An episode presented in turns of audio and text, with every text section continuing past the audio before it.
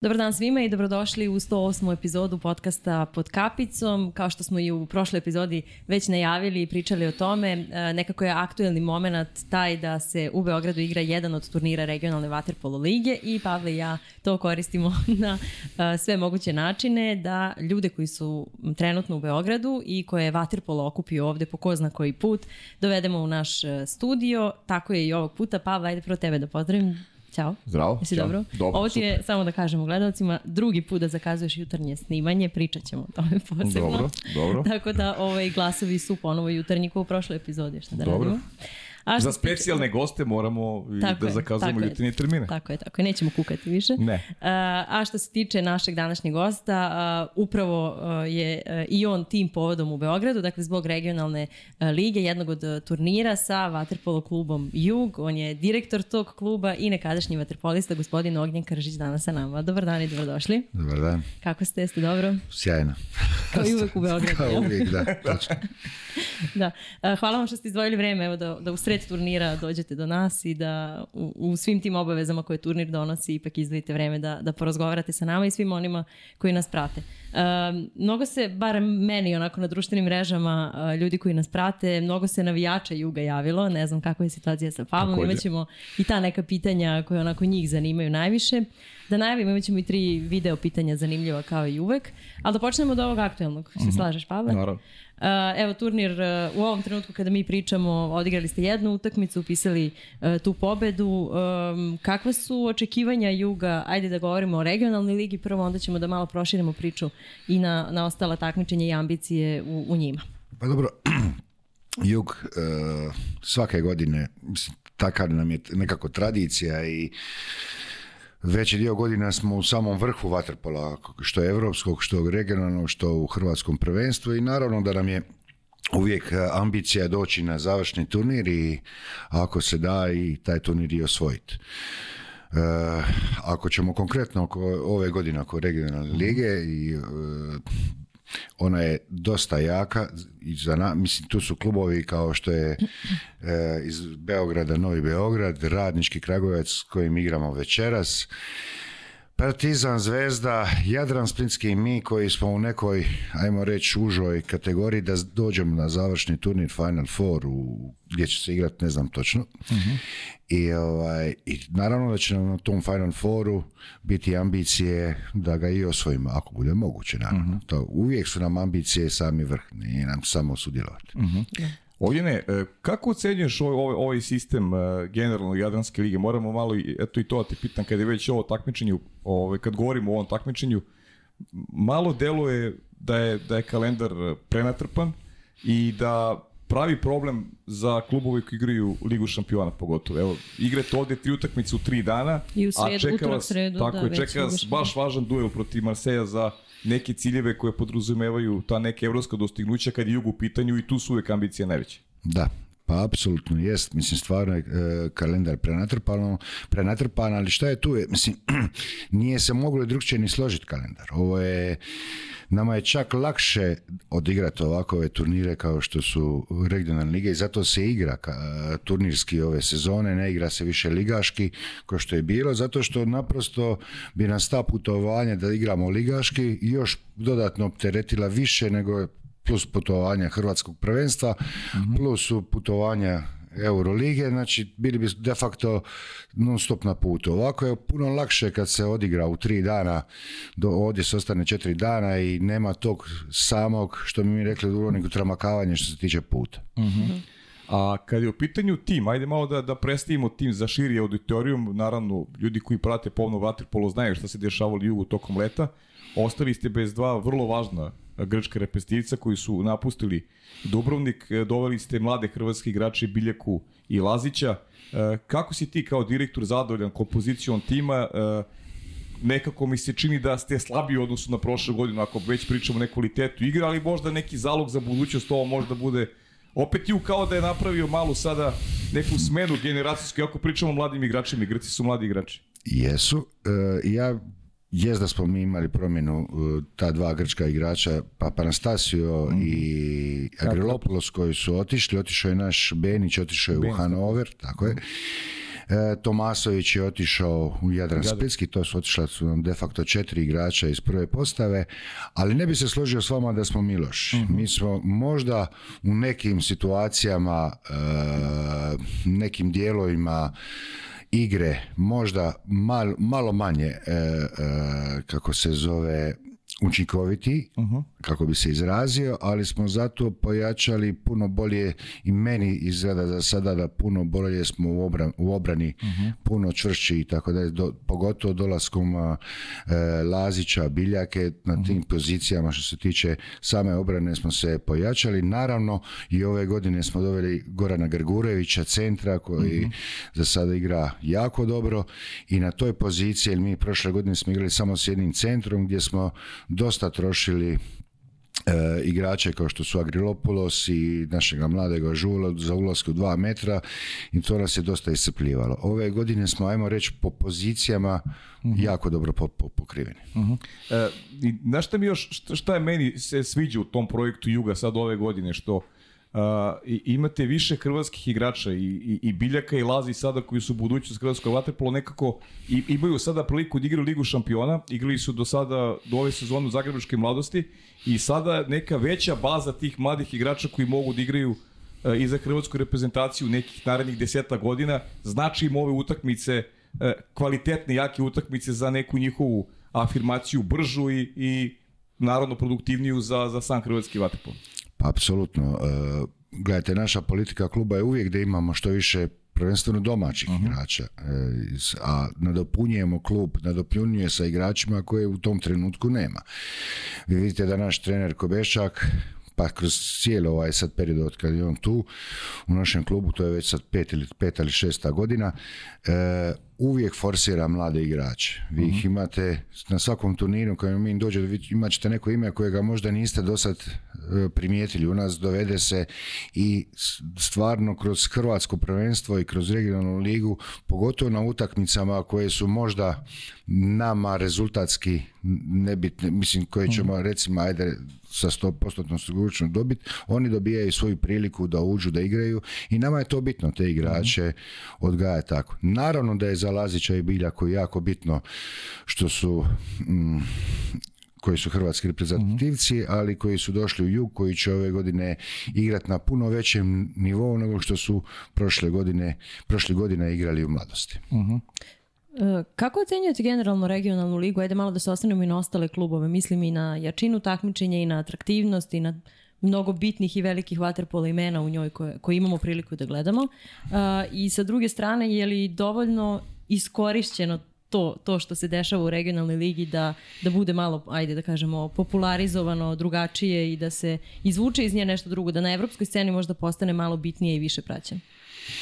Pa to da li će da na evropskoj sceni biti, pa ona je dosta popraćena i na, na, na mhm. pazite, svi ovi klubovi prate nas ovdje što igramo u regionalnoj ligi. Smisao i regionalne lige je bio taj da se igračima kako ćemo reći, u regiji, da se, da se omogući da imaju puno više jačih utakmica i benefit e, od svim klubovima je taj odrastanje tih mlađih igrača da imaju što više iskusnih mhm. utakmica. Tako je i nama. E, ne igraju svi klubovi Ligu prvaka kao što igraju po dva kluba igraju iz, kako se zove, iz, svako, mhm. svake države, ali svi igraju u regionalnu ligu.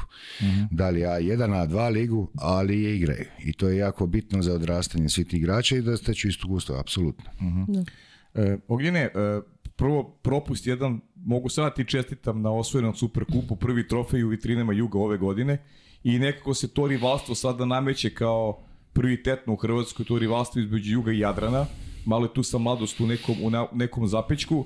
14-11 e, pobjeda protiv Jadrana i vratit ću te malo i na prošlu godinu. Jug je onako imao jedan sada za, za klub neobičajni post i mislim da vam je to finale, verujem svima skinulo neki teret sa leđa pobjeda protiv Jadrana e, u velikom finalu Hrvatskog prvenstva 3-1, zaista četiri sjajne utakmice, bilo je tu dosta i break utakmica, pa ajde malo da, da sublimiraš jedno i drugo. Kako si se osjećao posle, posle titule, ili, ti slavno pao i tebi jedan džak sa leđa nakon apsolutno, godine? Apsolutno, mislim, nama je, svake godine cilj osvojiti prvenstvo. Mhm. A, što ambicije su naravno i u regionalnoj lizi, a isto tako i, i, i, i u Ligi prvaka Europe. Ali primarni cilj je uvijek hrvatsko mhm. prvenstvo, a ovo sada što nas prije, što smo ove godine osvojili odmah sad super kup, imamo sad priliku finale kupa se igra 7. i 8. i 12. U, Zagrebu i naravno da nam je to cilj i naravno da je puno lakše se diše, imaš nekako vjetar u leđa kad dobiješ ovako jedan tu trofej i zasluženo smo pobjedili, bili smo mhm. dosta kvalitetniji od Jadrana u ovoj utakmici.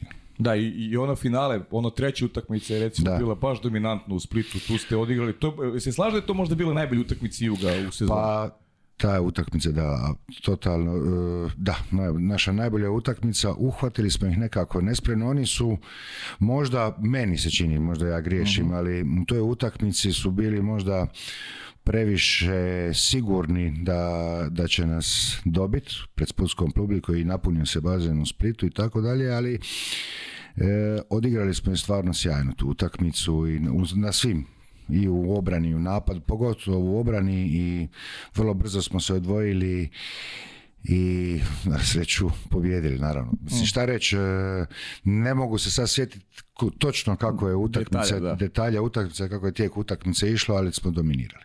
uh E, ja bih još malo o ovom, e, ovoj utakmici protiv radničkog koja vam je ajde prva sledeća, mada ćemo ovo slušati i gledati nakon nje, e, ali tamo da vidimo hoćemo li pogoditi šta će se desiti na utakmici i malo o ekipi radničkog. Eto, pa Gledali smo ih i juče na turniru malo da, da, analiziramo. Da, radnički, ma, izuzetna momčad, dobra to su i pokazali sa utakmicom, dok, s utakmicama kojim su igrali sa Novim Beogradom, mogu se nositi sa najjačim protivnicima.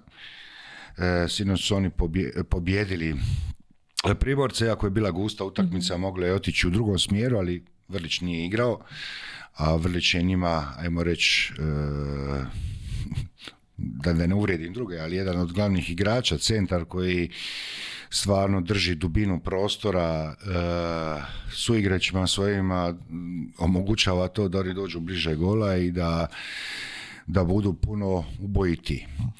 Vidjet ćemo kako će završiti. Ja, ja očekujem jako dobru utakmicu, mhm. čvrstu. Mi smo čvrsti i oni su. E, ako mi budemo kao što smo sinoć igrali ili kao što smo bili sa zadnju utakmicu protiv Jadrana Splitskoga u, u Zadru, ja očekujem da ćemo mi pobijediti. Da, nekako se, nekako se nameće kad smo već kod Jadranske, ovi klubovi koji igraju Ligu šampiona, svih nekako vidimo kao glavne protagoniste i kao najveće ove ovaj, kandidate za plasman na Final, Final Four. Verujem da se tu svi slažemo. Tako? Pa, svi se slažemo, iako ima još dosta toga za odigrat. E, svi se slažemo da su tu Radnički, Novi Beograd, Jadran, Splitski i Jug. Jug da. I da bi to tako trebao biti, ali uvijek se mogu dogoditi iznenađenja, ali ja vjerujem da će mhm. 90% će to biti završni turnir. ne kako, kako si zadovoljan e, scenom, ajde da je tako nazovemo, u hrvatskom vaterpolu? Kada pričamo o klubskom vaterpolu, pričamo naravno i o velikom uspehu reprezentacije koja je postala projekt Evrope u, Splitu.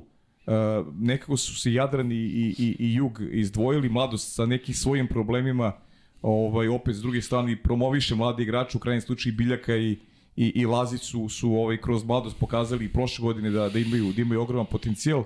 Tu sada projavljuje Rečko Primorje, ali ajde iz prve ruke, kako ti e, vidiš e, celu sliku vezano za, za hrvatski klubski Ima tu nekih indicija da bi mogo još neki klub da se, da se uključi u tu borbu koju vodite vi Jadr? Pa ne znam, teško, ali znam samo jednu stvar reći, Bogu se pohvali da Jug tu ima jednu konstantnu, konstantu više od deset godina. A Jug ima u Europi konstantno, ne samo u Hrvatskoj, da. Tako da. A ove drugi klubovi se izmjenjuju. Prvo je bilo Primorje, Mladost, Mladost, pa Primorje, pa Pope pa Mladost, pa sad jedan Splitski. Amo reći, ja ono rekao malo bahato, ali se svi izmjenjuju i pokušavaju nas skinuti stranu. Mhm. Mi tu pokušavamo držati e, i dosta uspješno malo baha to se zvuči, ali tako je. A, Hrvatsko prvenstvo, pa dobro, mislim, gledajte, s jedne strane klubovi kao što su Mladost, Primorje, e, Mornar, e, Šibenik, s jedne strane nemaju ti, nemaju tu sad jačinu, ali s druge strane imate jedan drugi benefit njima koji će razvijati mlade igrače, tako mhm. da sve ima svoje. Sve ima svoje. Imaju više prilike da mladi igrači stasaju u ozbiljne igrače, ajmo reći tako. Ajde da, da, malo ovaj, koliko možeš, to, to me stra, strašno zanima i, i prvi put imamo, pričali smo sa Vjekoslan Kobješćakom eh, koji je, koji je trener, ali ti si neko iznutra i, i, igrao si za jug, eh, osvajao si velike titule kao igrač i kao trener. Možeš malo da nam približiš na, kako funkcioniše Dubrovački jug, jer ti si malo iskroman, jug je pojam u Evropi generalno kada govorimo o nekoj stabilnosti već već unazad ne 10 godina i više od 10 godina konstantno ste u vrhu e, gotovo redom učesnici što Final Fora, što Final 8-a e, gomila super kvalitetnih igrača je prošlo kroz, kroz Dubrovnik znam da ste i, i nekako e, pojam te regije, da je neka regija okupljena, da ste bukvalno glavni klub u regiji, da se vaterpolo, da je tamo onako deo, i tradicije i istorije, pa možeš malo da ne približiš način kako jug to funkcioniše, kako uspojate da se toliko dugi niz godina u regionu održite na vrhu, ne samo u regionu, već, kad, već i u evropskom vaterpolu? Da. Pa prva stvar, jug je tradicija u, u Dubrovniku, gradu Dubrovniku i e, klub sa, koji ima veliku podršku grada Dubrovnika i građana sami. Uh mhm. Mislim, ako, ako ćete gledati kroz,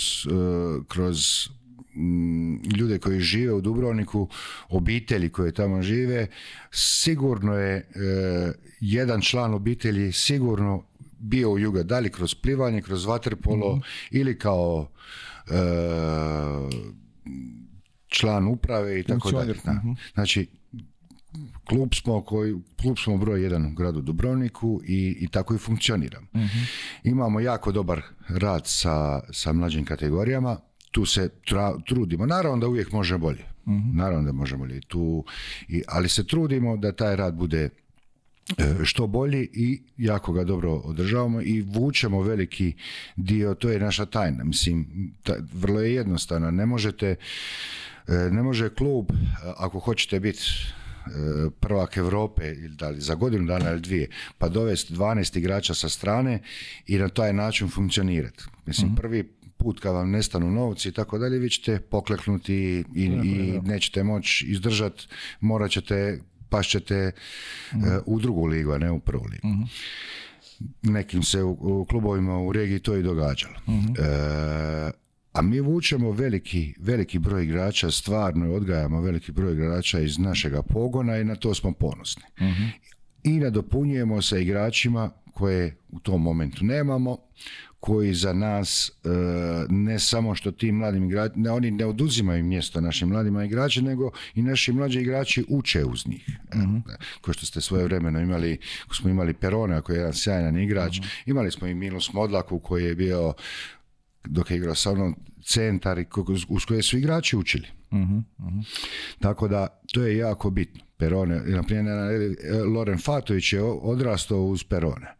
uh Sad je Fatović, Loren, jedan od boljih igrača na svijetu, na svjetskoj razini. Evo, mhm. ajmo tako da mhm. na, napravim neku paralelu. Mhm. I na tome funkcioniramo. Funkcioniramo isto tako što imamo jako važnu upravu kluba, jaku upravu kluba, na čelu sa predsjednikom i predsjednicima koji su svaki dan, ali se svaki dan u kontaktu i o tom se o, na, na dnevnoj razini, na sedmičnoj i mjesečnoj su uključeni u rad kluba uh Ja sam kao direktor kluba, operativno sam.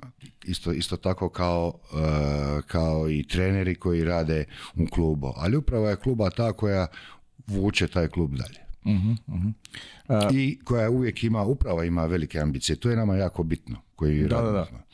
Ambicije, ali preposljedno su velike ambicije vezano za sljedeću godinu. Ajde, ako pa uvijek. Pa da, uvijek su, ali ili ima neki, neki poseban plan za stogodišnjicu kluba 2023. godine u smislu, ne znam, e, možda jačanja e, ovaj, igračkog kadra ili nekog, nekog cilja koji je možda i veći nego što je to slučaj sa sa tekućom godinom i ajde malo da priča ispred pre početka emisije, da nam malo otkriješ šta još planirate vezano za, za promociju kluba. Uvek ste aktivni po tom pitanju, pa ako možda nam otkriješ još neke, neke detalje. Pa za sad nemamo neke, ovaj, neke ajmo reći, planove koje smo napravili za, za 23. Mhm. Biće sigurno i proslava i, a što se tiče igračkog kadra, ne, mi smo sad zadovoljni s ovim što mhm. imamo. Ako, bit ćemo isto setni ako i nama određeni broj igrača isto tako sad ističe ugovor. Tako da mi se moramo prvo s time pozabaviti što možemo e, zadržati, a pojačanjima o tom potom vidit ćemo. Mislim, pre rano je za to govoriti. Da, ja više sam zbog 100 godišnjice, pa... A misli ste 100 godina, pa ćemo sad ovaj, dobiti neku ludu lovu. Da. da, da, i onda ovaj, kupiti još 3-4 igrača i krenuti na prvaka Europa. Ne ide to tako. Mislim, bez obzira što je 100 godina i tako dalje, ne ide to baš znači, postepeno, postepeno. Pa postepeno, ne možete, mislim, šta bi, ne bi dobili ništa puno s time da sad i da imate, da, da vam neko da par miliona, pa da li bilo čega, mhm. pa da kupite tri četiri igrača i šta ste dobili s time. I sad bili smo prvaci u Europi 100 godina, pa šta. Mislim, divno bi bilo, ali nije naša politika kluba nije takva. Mislim. Da, dobro, dobro. taj kontinuitet i stabilnost kluba uglavnom su direktno vezani i za financijsku stabilnost. Kako Jug pa to održava i eto upravo to što ste rekli, jaka uprava, na koji način se, se ljudi pa aktiviraju po tom pitanju? Na, da, imamo 23 člana uprave i svaki član uprave, a predsjednik je na čelu, naravno, funkcioniraju na taj način da se dovuku sesta u, u, u, klub. Da li sponzorstva, da li donacije. Imamo i podršku grada Dubrovnika koji je naš sponzor, isto veliki sponzor. Imamo bazen koji je jedan od najljepših u Europi. Imamo fantastične uvjete za rad na, na tom bazenu, termine, sve to skupa, tako da jako nam je dobro sve posloženo. Mhm. Mislim, I tu moramo biti uh, e, e, zadovoljni, skromni, i tu može naravno uvijek bolje, da. ali ovaj, stvarno smo zadovoljni što se toga tiče i uprava kluba, zato, sam vam rekao da imamo 23 člana, malo koji klub ima toliki broj mhm. članova koji mhm. su aktivno sudjeluju na ovaj na onaj način pomažu klubu najviše financijskim sredstvima. Da, da. Nisu tu, tu formalno da bi bili, već učestvuju aktivno u radu kluba. To je poenta cele priče. Da, tako je, aktivno. Mhm. A mislim, jedan voditi jedan klub, e, e, samo evo, kad vidite natjecanja koje imamo, od Hrvatskog prvenstva, regionalne lige, lige prvaka, sve ta silna natjecanja koja ste vi nabrojali, treba putovati, to su sve ogromni troškovi koje mi imamo za cijeli pogon. Uh da. Pa moram priznati da ne znam koji klub u Evropi još vater po klub funkcioniše na taj način da 23 ljudi brinu o, o o klubu. Pa verovatno brojčano postoji, ali to da su svakodnevno uključeni i aktivni mislim pa da ne postoje. Pa nisam siguran da čak i brojčano pa postoje, još i aktivno uključeni, to Znaš, kako stvarno redka spiskovi ljudi budu, dugi da. upravama, da. ali redko ko tu stvarno pomogne. Um, kada reč o mlađim kategorijama, hvala da se osvrnemo malo i, i na to. Koliko su one bitne i koliko ih smatrate nekom bazom za dalje funkcionisanje i za budućnost kluba? Pa, mlađe kategorije su najbitnije najbitnije. Znači, ću ponoviti, znači mi crpimo uvijek i tako nekako politika bila da 70% igrača igra za prvu momčad i da se iz mlađeg pogona vuku ti igrači koji će dobiju priliku da igraju. uh I to je, to je nama naj, najvažnije i to je nam je kapital koji se mi cijeli ovaj niz godina kad, pogledate sve te godine to tako je bilo. Mhm. Jedne godine nismo imali tako, ali nema veze. Aha, nećemo to godine, dobro.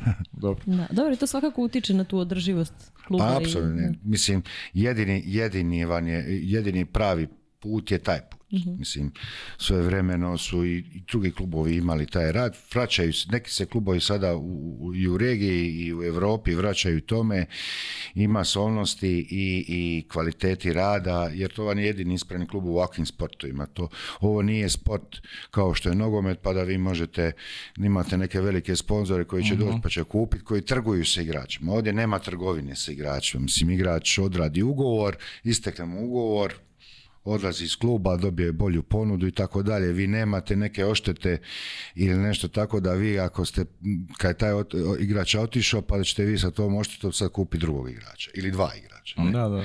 To je samo u nogometu, ajmo reći mhm. tako. I ne znam, da možda vjerojatno u košarci, ne znam. Pa, ali nije na taj način. Nije na taj način. Da.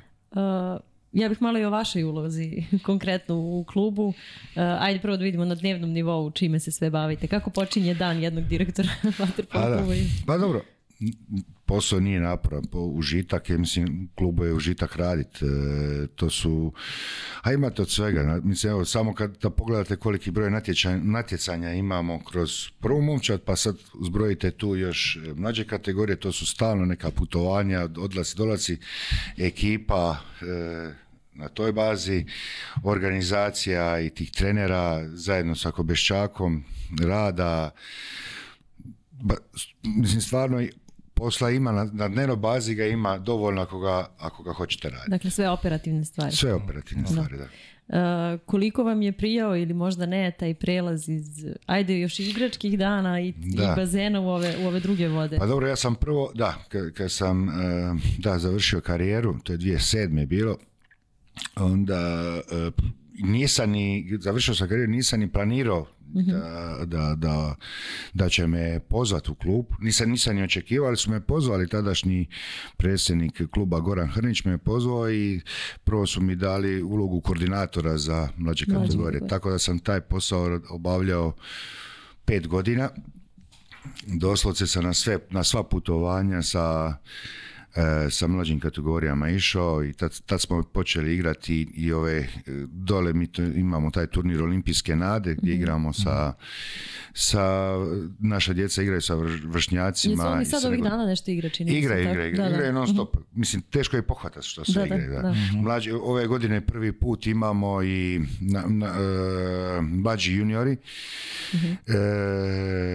igraju prvenstvo Hrvatske Mhm. Znači igraju ligaški, igraju kao što ne igraju turnirski, tako da i oni svaki vikend negdje putuju ili igraju doma, tako da je i to interesantno, evo vidit ćemo kako će to funkcionirati, ove godine to prvi put. Uh-huh. Da, da sada stojimo jako dobro. Da. da se vratimo na te vaše ovaj, dane provedene sa, ajde prvo mlađim kategorijama, onda i ovaj ulazak u direktorske vode i Da, da. Pa dobro, to je dosta emocionalno bilo, pratiti tu djecu i na utakmicama i na klupi, tada sam bio i uz trenere i na klupi i dosta, sjećam se trenutaka, eh, ne znam, da prva momčad izgubi utakmicu i dosta se i događa se i, i mhm. da iskupimo naravno i, i puno manje emocija te, te, nekako to potrese nego kad bi igrala, kad, bi, kad sam bio sa klincima i onda oni izgube utakmici, ti vidiš ako ta djeca imaju suze oči i plaću kako, kako im je teško, mhm. onda i tebe nekako stisna u prsima. mm I dosta sam to teško proživljavao s njima. Mislim teško, nije sad da je, da je, bilo toliko stresno, ali, ali je bilo sasvim drugčiji odnos tada, emotivni, odnos tada s njima nego ovo sada što radi. mm Da, dječje suze su uvijek ovaj Da, da, da. Pa da, onda događale su se ko neke nepravde i tako dalje. Mhm. Mislim, dakle, suci nenamjerno i da li pogriješe pa da su ih oštetili i mhm. tako dalje i onda oni to jako teško proživljavaju, ali dobro, ono što kaže, znači, trebaš prvo naučiti puzati da bi mogao hodati, tako je i odrastanje kod djece. Znači, ono, nekad, ono, kad gube, gube, pa onda će naučiti pobjeđivati, tako to je jako bitno. Mhm. Pa i Ognjen Kržić, kad je odrastao, nekako je, znači, logično bilo da da dođe put juga, je li tako? To je, i, i Lopet šta je razlog Ognjene Vatepola? Jednostavno ta, ta tradicija koju jug ima i, i generalno primorije prosto nekako plivanje vaterpolo je logičan ovaj izbor za, za, za nekog klinca koji, da. koji odrasta u tim uslovima. Tako? Pa da, ja sam prvo počeo plivati. Mm Ja sam bio plivač, četiri godine tako nešto. I onda ovaj, dosadilo mi to. Mm -hmm. Doslovno mi dosadilo i ja se sa 12 godina tako nešto prebacio u 11, 11 godina prebacio u, u, u waterpolo i da, i tako je ostao. 30 godina sam skoro igrao.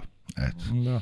Hoćeš da napostiš malo na, na, neku generaciju s kojim si ti odrastao, neke trendere koji su te, koji učili da. vaterpolu, koji su te prosto definitivno u tvoje glavi te odredili da je to to, da, da, da time prosto želiš i moraš da se baviš. A da, a pazite, tada je, mi smo doslovce, tada je bio otvoreni bazen u Gružu mhm. i kao, kao djeca kad smo trenirali na tom bazenu, mi smo doslovce bili cijeli dan uh-huh. Znači mi bi došli ujutro na bazen, odradili bi trening, onda bi otvoreni bazen, bili su ovako ploče od cigle, tu bi se i sunčali, a bio je autobusni kolodvor na bazenu, to je, ako malo eh, vas se toga i sjeća, da ne. kolodvor je bio uz, bazen mhm. i onda je tamo bilo, sjećam se, burek si mogu kupiti. Mhm. Onda bi mi tamo, to, to bi bio ručak, onda bi čekali popodne trening. Cijeli dan smo bili na bazenu, cijelo ljeto, ljeti, ja govorim o ljeti. Uh-huh. Tako da smo uživali. E, u to vrijeme kad sam ja počinio tako, već su generacija ova Đuho, Sukno, Vuletić, e, Boško Lozica, e, Luko Veziri, Đuro Savini, što su tada bili oni su igrali, Jug je tada već, to je bila ta zlatna generacija koja je osvojila prvo prvenstvo Europe za mhm. Jug, 80. godina i oni su nama bili idoli. uh Utakmice koje su se igrale u Gružu su uvijek bile popunjene do zadnjeg mjesta i tako, tako vam se kao klinac sam se tako navukao i ja. I mhm. tako inficirao se, inficirao se prosto. Aha. Da. A koja je tvoja neka generacija ovaj, koja pa, moja generacija, e, to je, e, pa ajmo sad, ja sam 69. godište, ali tu je Elis Fatović, Alen mhm. Bošković, Maro Balić, e, onda bio je Maro Bijač, otac od Marka Bijača, Mladen Rak, Mladen Rak, on je bio golman, pa bile je tu još Tomica Boras, Vezjak koji je igrao Ajme, ne mogu se sad svih sjetiti. Okay, okay, dobro. Lepo je da se postimo ti nek, da. tih nekih imena. No, Mnogi, mnogi da. se sjećaju Ovaj, recimo Đuha koji je legenda, naravno.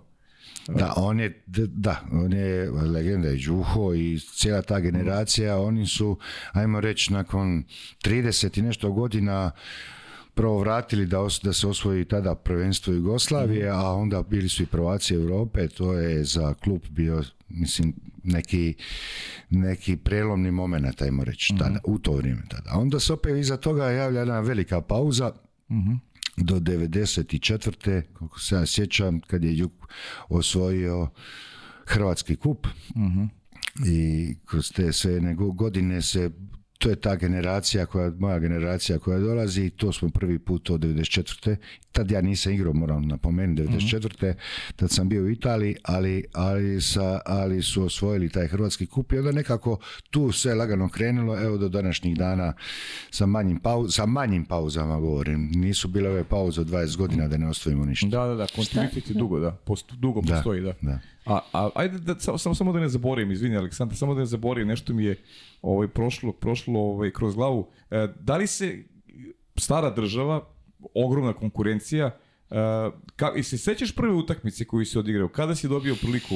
I, i, i ko, je, ko je bio trener u to vreme? Da, trener je meni bio u prvoj momčad, kad sam upao u prvoj momčad, prve prvu utakmicu, ja ne znam sam imali točno 16 ili 17 godina.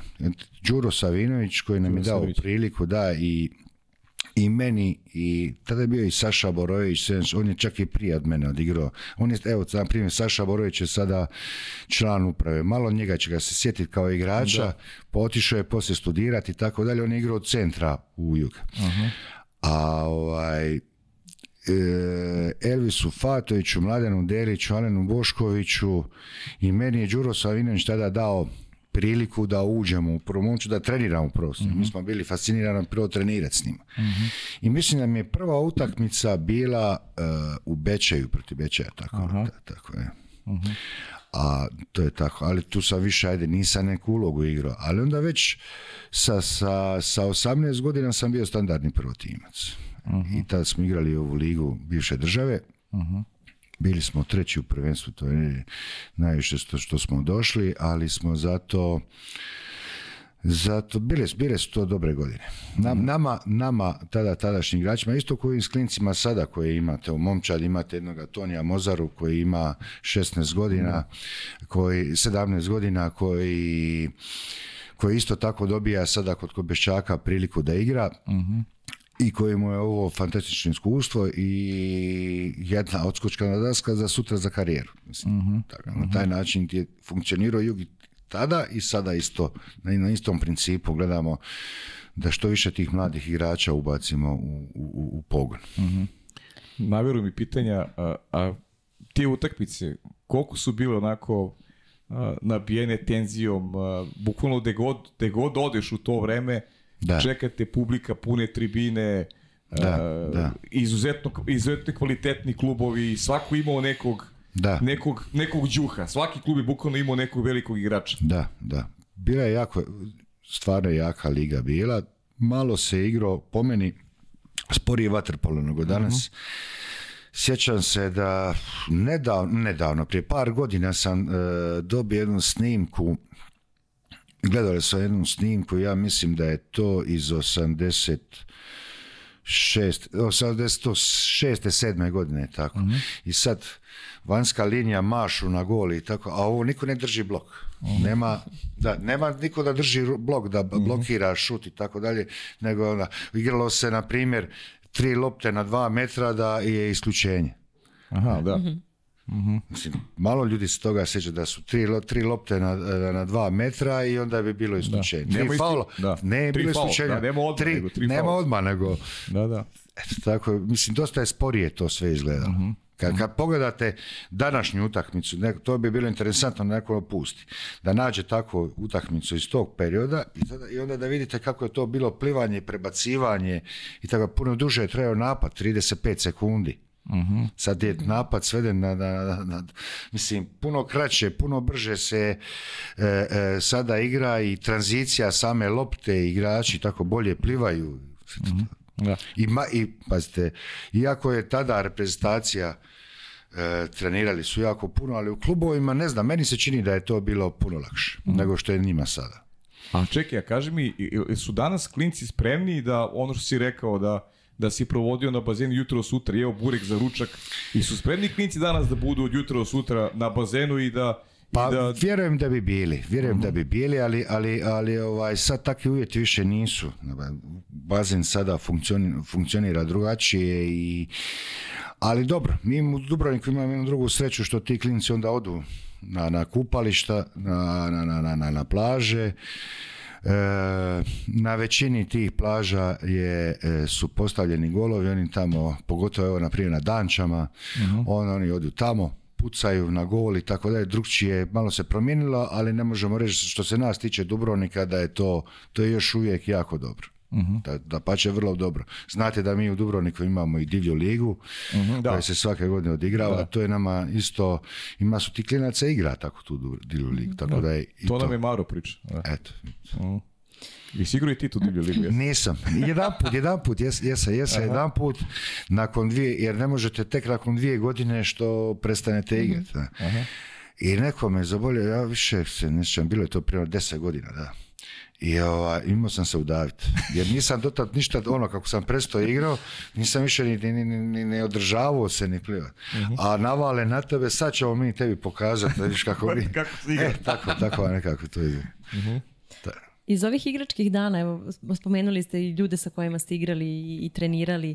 Danas kada se sretnete sa nekim od njih ili većinom, eh, o čemu najviše pričate? Jel ima nešto što prepričavate i dan danas čemu se smete, a da možete sa nama da, da podelite? Pa dobro, pa ima.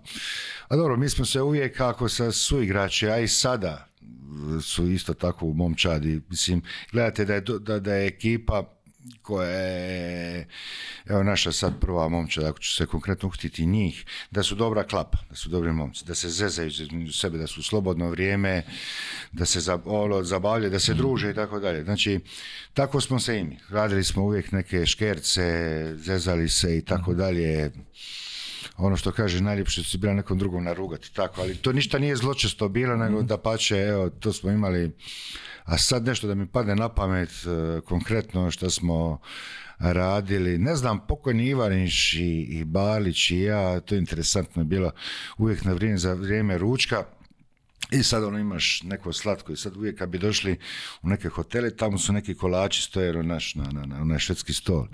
I sad pođe uzet, e, Ivanić pođe uzet e, jedan kolač i sad izabere neki rozi, šta ja znam, zagrize ga i mi, mi, ga pitamo kakav je on, kaže sjajan, ono, a mislim kolač ne valja ništa. Mm.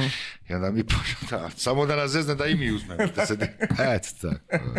Ili ono, na primjer, dođete u hotel i ono, i sad znate u hotelu imaš ono, lift pa su sad sobe lijevo, desno, šta ja znam i sad ako si prva vrata, ako si neka soba blizu lifta ti ono stalno čuješ ono din din cijelu noć ono šta ja znam kako ko dolazi.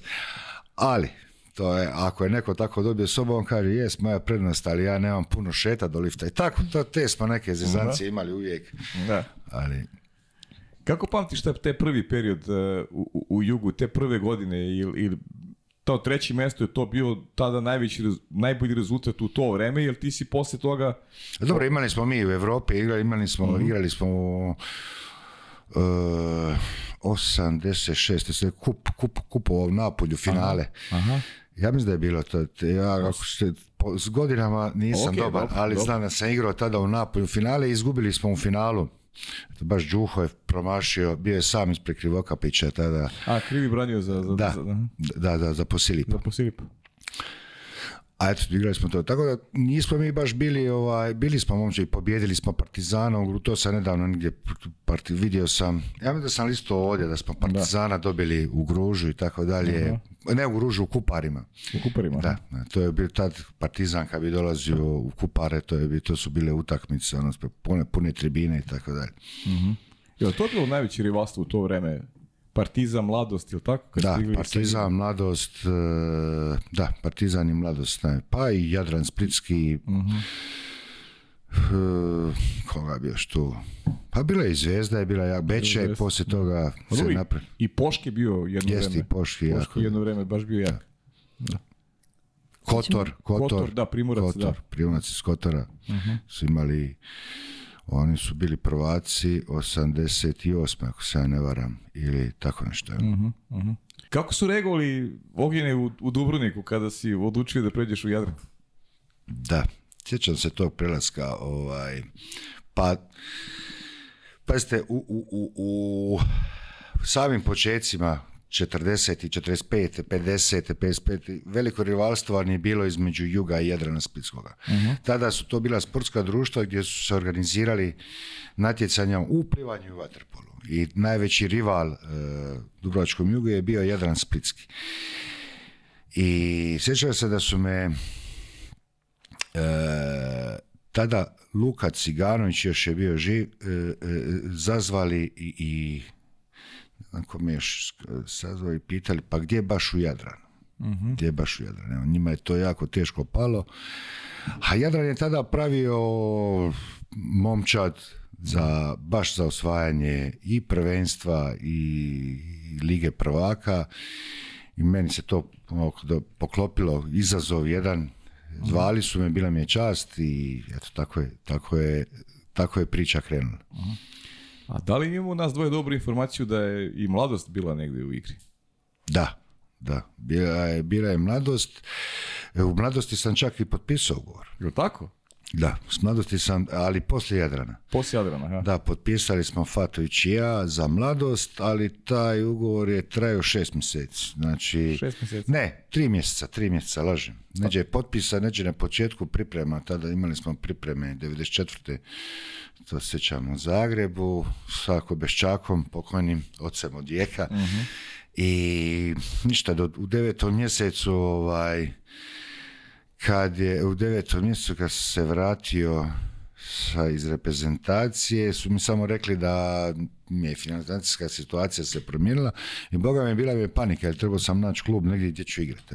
Mhm, I tako mi se otvorila Savona, u mhm. principu tada mi je puno pomogao Antonio Milat koji je igrao u mhm. Savoni, onda prešao u Volturno, a meni je otvorio prostor da dođem mjesto njega u Savonu. Evo. Tako, tako je nekako išlo. Do, ne možemo preskočiti u Jadran, imamo da pričamo, još si htjela nešto ovoj... E. Mm, pa mislila sam kad završimo taj deo da pređemo na jedno video pitanje, da otvorimo Ajde, ostale te. Ajmo, ajmo video pitanje.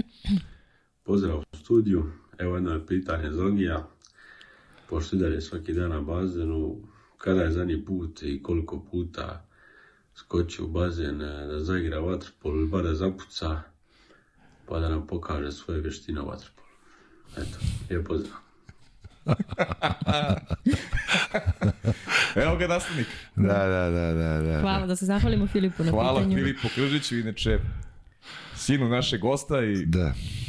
aktualnom prvom da, timcu Juga. Danas on proživljava te igračke dane da. koje ste imali. Da, da, pa pokušao sam par puta i to stalno prijetim, ono, s ponedeljka krećem plivati kreće i ono čisto rekreac, međutim to je, to je ostalo samo na ponedjeljku, evo ne znam, od sam, sam prestao igrao, dva, tri puta sam pokušao nešto pevati, stvarno mi ono dosadilo, ni u teretanu ne ulazim, rekreativno se nešto bavim tenisom i tako to mi je ovaj društvo je dobro i tako mhm. dalje to mi što se tiče sporta a ovo što se tiče bazena ne naprosto ali većina igrača koje, mhm, koja se da. u životu i tako dalje teško se ljeti ono sa barkom kad odem oko broda malo ovako se prčka prsno i to je to Dobro, imaš mnogo ponedeljaka u životu, tako da, može i dalje. se ne znam, da.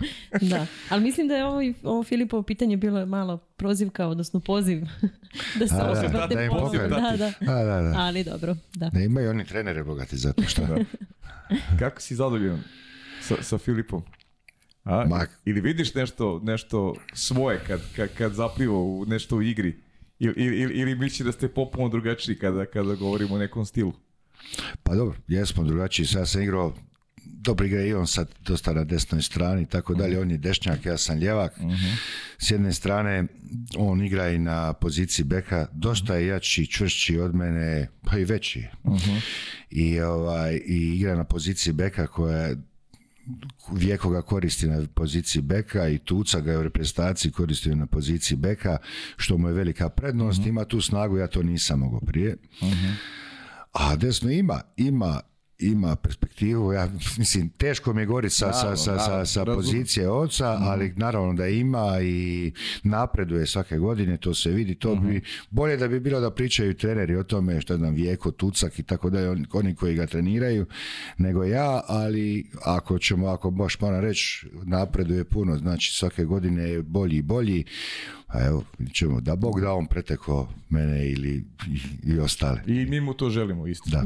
E, Ok, kaži nam ovaj, ajde te na taj Jadran malo da te, da te vratimo na Jadran, to su lepe godine bile da. Splitskog Jadrana i, svih vas koji ste učestvovali u, tom projektu, dve titule prvaka Evrope, pa ajde da ti, da ti ne zasipamo se pitanjima, prosto i, i, i, izvadi iz glave sve što imaš i, i podsjeti se malo kako je, kako je to sve izgledalo. Pa dobro, da, davno je to bilo, znači prije 30 godina teško se uhti svega, ali e, pazite, sjećam se da smo, kako su to bile ratne godine, da smo, na primjer, putovali se s autobusom. uh Sad zamislite utakmica u Barceloni, vi iz Splita krenete s autobusom do Barcelone. Mhm. Pa isto utakmica, ne znam s kim, u, u Nizozemskoj pa do Amsterdama gore. Pa, mislim, nema gdje nismo, sve, sve smo morali ići s autobusom, to mi, to mi se, od toga se sjećam da je bilo najnapornije. Imao sam 20 godina pa mi je to lakše padalo, ali doslovce smo živjeli po hotelima i, i, i autobusu i igrali tu ligu prvaka. Drugčiji sistem je tada bio nego ovaj sada. Mhm. Mislim da će se, evo, ako da se malo nadovežem, dogodine će se promijeniti ovaj sistem mhm. lige prvaka nego što se igra ovaj sada da će se vratiti na, na, na minimalno na Final Four, ne na Final Eight, ali dobro, o tome nešto možda poslije, ali Šta, šta da vam rečem, e, čega da se sjeti, više se grupa i kako s kojim smo klubom kada igrali, ne sjećam, mhm. ali smo bili izuzetno jaka momčad. I to je mhm ta, te 91. to je bio prvi, ajmo reći, prvi trofej za Hrvatsku državu. Mhm, mhm. I popraćeno u Hrvatskoj je bilo fantastično. U Splitu isto tako, kad smo se vratili iz Trsta, doslovce je cijeli Split bio na rivi, ko mhm. što su isto nedavno, mislim nedavno, kao što su, kad su dočekivali Ivaniševića i tako dalje, slično je i mhm. bilo je nama, ne slično nego isto. Mhm. I stvarno je tada vaterpolo bili smo strašno popularni, mm toga, toga što znamo. A ovo, ostalo, s kim smo igrali to, to da, se još Finale je bilo u Trstu protiv, nama je domaći teren bio Trst tada. Nismo mogli igrati u e, Splitu, da. Nismo mogli igrati u Splitu. Domaćin teren nam je bio Split te prve godine, da. Mhm. A do, godine 90 i, e, 93. Treći. da, 92. 93. Da, igrali smo u finalu sa Zagrebačkom mladosti. To je bilo ko hrvatsko finale, isto tako jako, ovaj, jako dobro popraćeno. E, sjećam se da smo studiji bili pred, najava pred tu utakmicu finala, baš Vijeko i ja onda je bila ona pjesma, tada je izašla jedna pjesma Mi smo prvaci. Sjećam se da se ja pjevu o meni mi smo prvaci.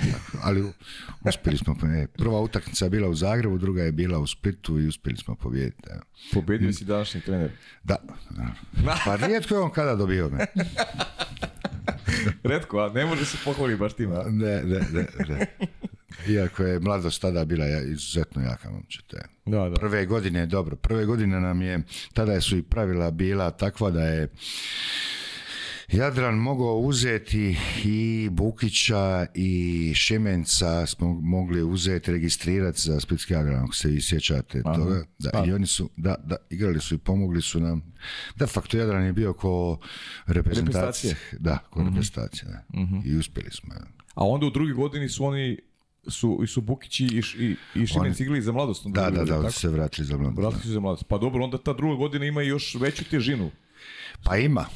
Pa ima veću težinu, ali nama je ovaj taj prvi, meni osobno, pa taj prvi proti Italijana, proti Savone u Trstu bio nekako, Savona je tada bila momčad ko što je današnji rekao, bi su sasno, mm strašno jaka tu igrao, on je igrao Antonio Milat, eh, Fereti, Eh, a toliko na golu Bovo, Bovo, Bovo mhm. koji još od igrača, sve se ne mogu sjetiti sad, Anđelini, ne mogu, eh, da, tako nešto. Dobro, a za, za Jadran, ta druga godina, to je Ko je tu? Tu je Anto Vasović bio s tako? Jeste, Anto Vasović, eh, Habez Malinović, Budimir, koji još? Koga se da se... Vrbičić pokojni. Mhm. I Posinković beš bio na Posinković e, e, mhm. je bio na gol. E, e, Kreković, uh-huh. da, Posinković je bio na gol, da. Uh-huh. Oba dvije godine, da. Uh-huh. Lepo. Ja bih, ako već pričamo još uvijek o igračkim danima... E, pričamo još, da, naravno. E, Atlanta 96. Ako pa dobro, bismo da. prešli s ove klubske scene na, da. na reprezentativno, mhm. da. Da se prisjetimo malo i toga i, i samih olimpijskih igara u stvari u, u celini, ne samo za, za konkretno vas kao vaterpoliste, ali i, i vašeg tamo učinka. A i da. srebrne medalje što je... Pa da, za nas je to bio ovaj, e, stvarno sjajan uspjeh. Mm E sad, mi smo se prvi put pripremali za Barcelonu 1992. Da. I sjećam se smo odradili cijele pripreme, ali nas tada nisu pustili. Išla je samo košarka što se tiče e, sportova, kolektivnih sportova. Aha. Nismo da, iako smo se pripremali, nadali smo se da ćemo poći u Barcelonu. I onda smo Četiri godine iza toga, u međuvremenu smo imali i lutalo se tada i reprezentacija se pravila od starih igrača, kombinacija mlađih, najbolje se vuklo, sva što se radilo, pokušavalo. Pazite, sa raspadom Jugoslavije, pa su se novi savezi, nove reprezentacije, treneri su dolazili i moralo se to sve uhodati. Nije to baš tako kao preko noći išlo, ali evo, 96. smo stvarno imali e, jako dobru reprezentaciju i odličnog trenera pokojnog Silića e, i ta olimpijada, da, e, finalu izbacili Jugoslaviju, tada je još mhm. bila Jugoslavija, to je bila reprezentacija de facto sastavljena od igrača Srbije i Crne Gore. Mhm. Izuzetno jaka e, reprezentacija, još vratili su se, ajmo reći, u reprezentaciju i Šoštar je bio na golu, Ivor Igor Milanović, Milanović Mirko Vičević, e, e, je još... Pa Ranko Igro Perović isto igro tada. Jeste, juče smo baš igrali. Da, to je Draga, Dragan Andrić je bio, bio Najveća imena, ajmo reći ondašnje, su i većina njih je, i su i osvajači bili olimpijada prije u, u, Seulu, mhm. tako da smo igrali, e, u to četvr, tom četvrtfinalu smo uspjeli izbaciti mhm. Jugoslaviju, smo ušli u polufinale. Sjećam se drame sa utakmicom s Taljanima, koju je tada vodio Rudić. Mhm smo uspjeli pobijediti, jako teško, čak eh, nam je na toj utakmici isključen trener Silić, dobio je crveni karton, što nam je poslije bio hendikep u finalu sa Španjolcima. A nije vodio, nije Bio, bio je na tribinama, mhm. imali smo ko neke mikrofone i tako dalje, Maro Balić, koji je mhm. bio rezervni golman, on je imao neki, ovaj, ali i vodili smo i onda, nam, onda su nam digli njemu su digli taj, našli su mu taj mikrofon, mikrofon da, jer je Sili sa tribina to nekako dirigirao. Da opet nezamislivo za ovo danas vreme, to je popuno normalno sada, ne komunicira putem radio veze. Da, da, ali nisu dozvolili, da. A ne znam sad da ako trener dobije crveni karton, da li bi smio E, da, e, da, ne smije, ne smije, ne, ne, bi smio. Ne mhm, tako? Dobro, ajde da se ogradim ja, možda nisam ne, ne, ne, ne, bi, ne bi smio, ne, ne. Možda su samo lakši kanali da se, da se, ovaj, da se iskomunicira nego što... Ali ako ne, možda sad boljih uređaja ima, pa, pa ne bi to, Pa, pa da, da, da, to. A, učešće samo na olimpijskim igrama i ceo taj doživljaj. Pa dobro, svakom sportašu, ne samo meni, nego svakom sportašu, prva stvar da dođeš na olimpijske igre i da se kvalificiraš i da si sastav neke reprezentacije, da, da, da predstavljaš svoju zemlju je fantastično, mislim, za svakog sportaša san. Najbolji vam je primjer to na, na primjer da je Michael Jordan i na to na olimpijadu, da su i oni došli na olimpijadu. Znači, mm. da su htjeli da osvoje olimpijsku igru, to su, koji su inače svjetski prvaci na NBA zaradili puno, osvojili one prstanove, kako se zove, sve to skupa, ali su isto došli do osvoje olimpijsku medalju, da imaju tu olimpijsku medalju. To je, težina je te olimpijske medalje, još uvijek za sve sportaše ima najveću, najveću težinu. Koja je bio glavna atrakcija u olimpijsku olimpijskom selu? naš Šimenc. On je zujao po cijeli, da, da, on je zujao po cijeli dan, se shvatao sve te sportaše, slikavao se s njima i to. A ne, ovi iz NBA, ako, oni su jako, jako rijetko bili ovaj, u, u, u selu, oni su spavali van sela, oni su bili stvarno mega zvijezde, mhm. ali prošetali bi tu i tamo. Ja. Mm-hmm. Jordan i e, e, kako se zove e, ajme meni bože moj na, vrh jezika mi je u košarci Magic Johnson.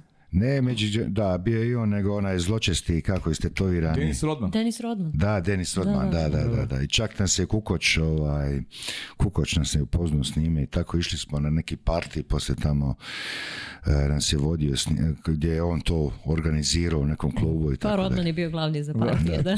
Da, mm. dobro, da, partije ne treba bježati nikad. Da. Ovaj, šta sam teo, e, ne, moram da ti vratim još malo, pričat ćemo Ovi još u klubskom, o klubskom vaterpolu, bilo je tu još tvojih ovih ovaj, vrhunskih rezultata, ali bih te vratio na period uh, opet nekih juniorskog staža. Ti si igrao i za juniorsku prestaciju i stare države, o tako? Da, igrao sam, da, to smo igrali. Evo, baš smo sinoć bili tucak, pričao s njime. 89. smo bili juniorska reprezentacija Jugoslavije. Uh U Narbonu je bilo svjetsko prvenstvo E, to je bio Tucak, e, Viktor Jelenić, uh braća Udovičić, e, koji je još bio sa mnom Fatović iz Juga, koji je još od igrača bio, što ga se ja mogu sjetiti, ne mogu se sad, Da, mozak, mi mozak mi sad stao, ali 89. smo bili, da, bili smo uh, prvaci svijeta, da. Prvaci svijeta. Da. To je reprezentacija koja danas u 20. Taj. To, to je tada bila juniorska reprezentacija. uh Pa dobro, lijepa vremena. Evo, sjećam se da smo, ali e, sjećam se i imam slika sa proglašenja, a mi svi obučeni kao e, na, na, dodjeli medalja, e, svaku u svom šorcu, majca, nismo dobili opremu uopće uh-huh. za mhm. ništa. Mhm, nikakvu opremu, nismo imali ono da šta znam, obilježja tadašnje države i tako dalje, ne. Mm. Nego smo ono bile, vamo sa la playa, evo tako. Da da, da. da, da, ima negdje ta slika, moglo bi se naći, ali na ono, na, na postolju, sad, koji je bio drugi treći, se ne sjećam, nije nebitno, ali mi stojimo, oni su svi u, u, ko što je normalno, jel tako? Da, da izađeš u, u dresu ovaj, svoje države, mi smo izašli ko, nas, ko, smo došli s plaže, tako da da. Sad kad nabrajate uglavnom igrače, sa igrače bivše u stvari, nekako većina vas je i dalje tu u sportu, pa, na bilo koji način. Jes, većina ih je ostaje, da, da li kao treneri, da li su u kluba, ili su direktori ili tako nešto, da. Pa... Pa to, je da, to, je, lijepo, pa je lijepo, pa, Men, mislim, ja, ja imam jako dobru komunikaciju, ja svi mi između sebe imamo stvarno dobru suradnju, ako ćemo reći tako, i Mislim, to je, to je, to je prednost u našem sportu, ali, ali vjerujem da je, da je tako i u drugim sportovima, vidite. Pa dobro, nije, nije baš. mislim, da. da je u vaterpolu to baš onako izraženo i da je lepo. Ali se osjećate vi, mislim, e, koliko vam je vaterpolo doneo, verujem da jeste mnogo, koliko razmišljate o tome sa neke druge strane je tu bilo i odricanja i malo drugačijeg načina života, verovatno u pojedinim periodima. Kada probate to da onako stavite na vagu, čega je tu bilo više i osjećali ste se kao da, eto, posle igračke karijere vi dugujete nešto vaterpolu nas? Pa sigurno da dugujem. Ja sam to isto puta rekao eh, što se tiče mog kluba Jug. Mhm. E, uvijek sam govorio, ja sam dao Jugu, jesam. Ali više je Jug dao meni. Da kao trofeje koje sam ja osvojio sa klubom, da sam možda igrao u nekom drugom klubu ili ne bi se možda toliko trofeja imao i svojoj isto tako i ovim mladićima sada. Znači vrlo je bitno gdje igrate, kako igrate i gdje, odras, gdje ste odrasli i tako dalje. Znači mi svi igrači koji smo igrali jugu, više jugu dugujemo nego jugu. Evo, tako bi nekako.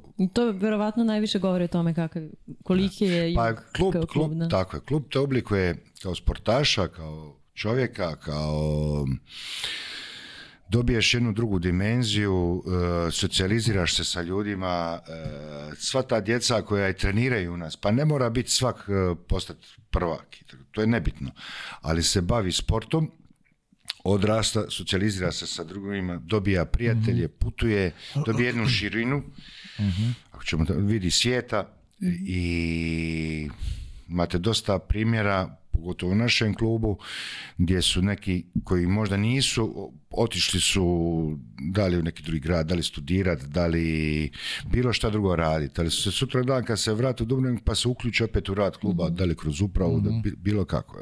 je li, ima li nešto što vam je Vatrpolo uzeo, uskratio ili kako biti? Pa ne bi to tako gledali. Mislim, mhm. šta vam može uskratiti?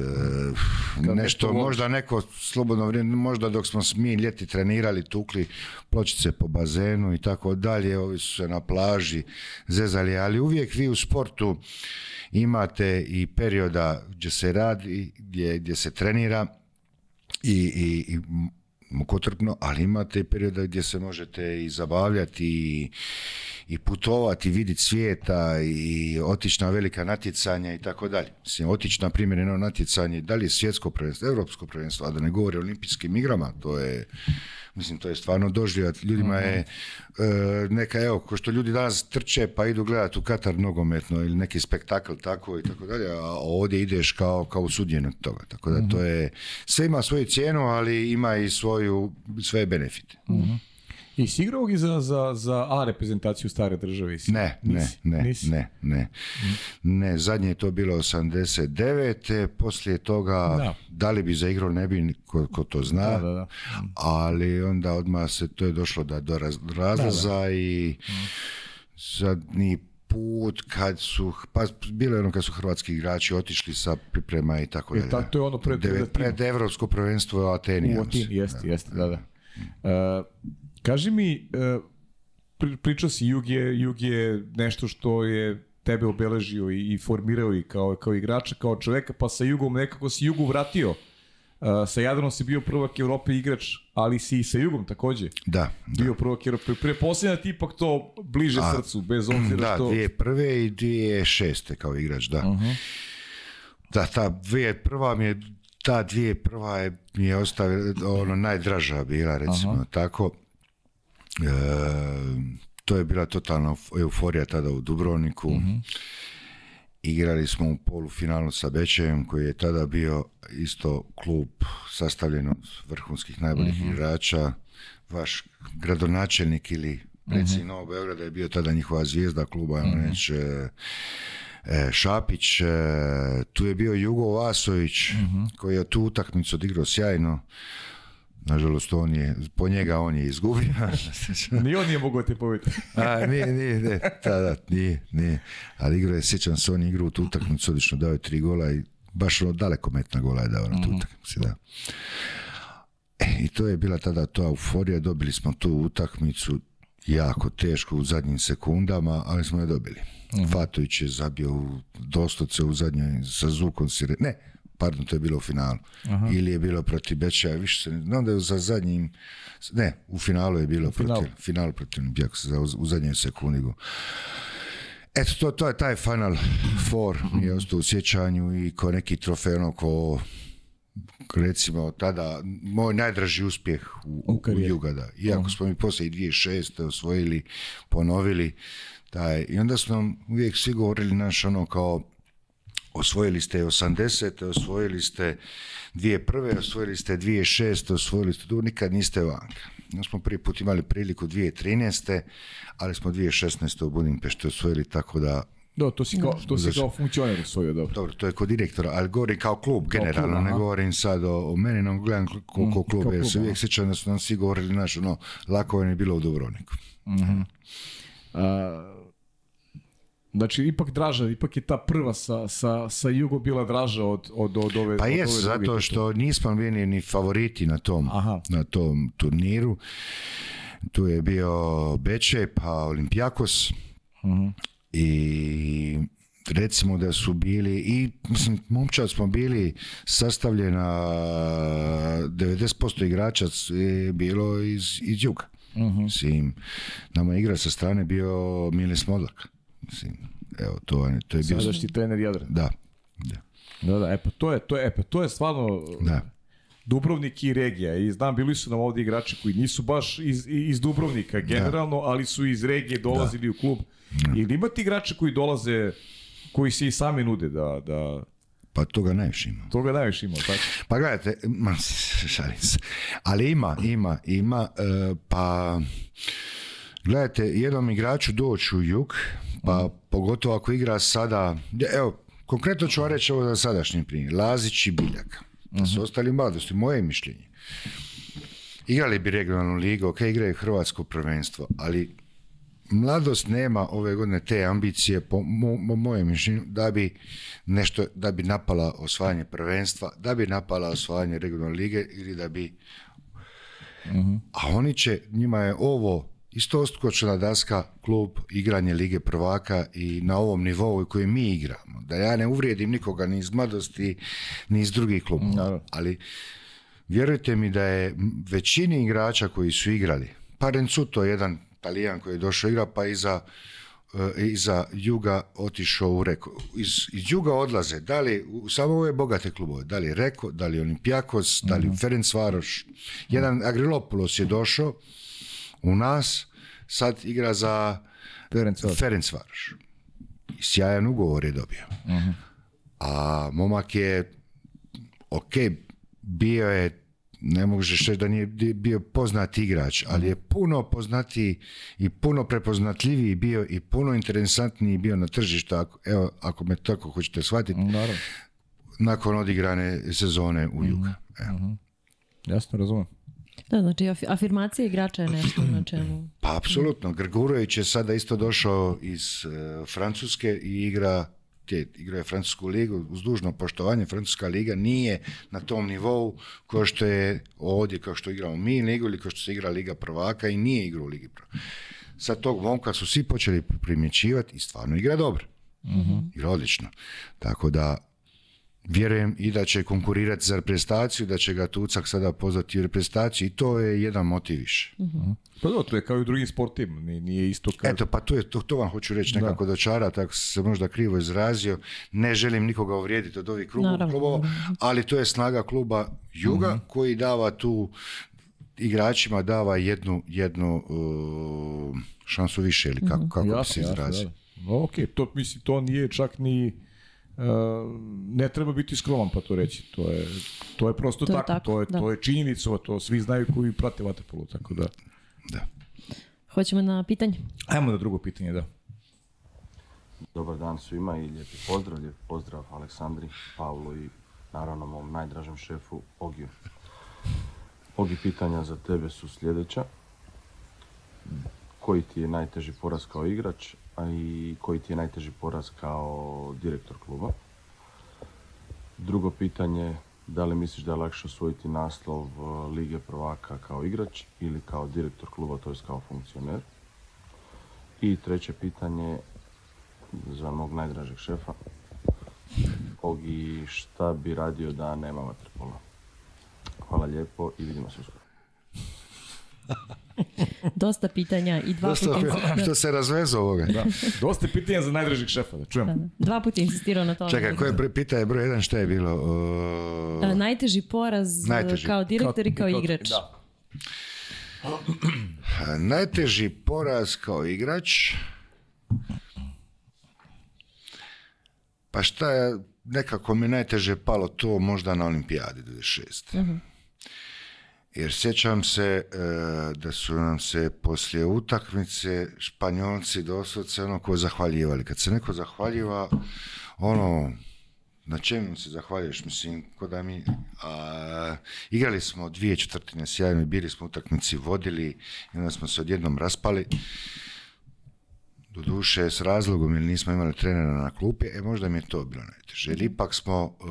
E, Mislim da smo u tom trenutku bili bolja momčad od njih. Evo, I kad onda izgubiš, a finale olimpijskih igara, 15.000 ljudi je bilo na tribinama, to nas je nekako, poslije kad ti prođe mhm. par dana, opet sretan si, jesi uzeo to, mislim, uzeo srebro. Da, mhm.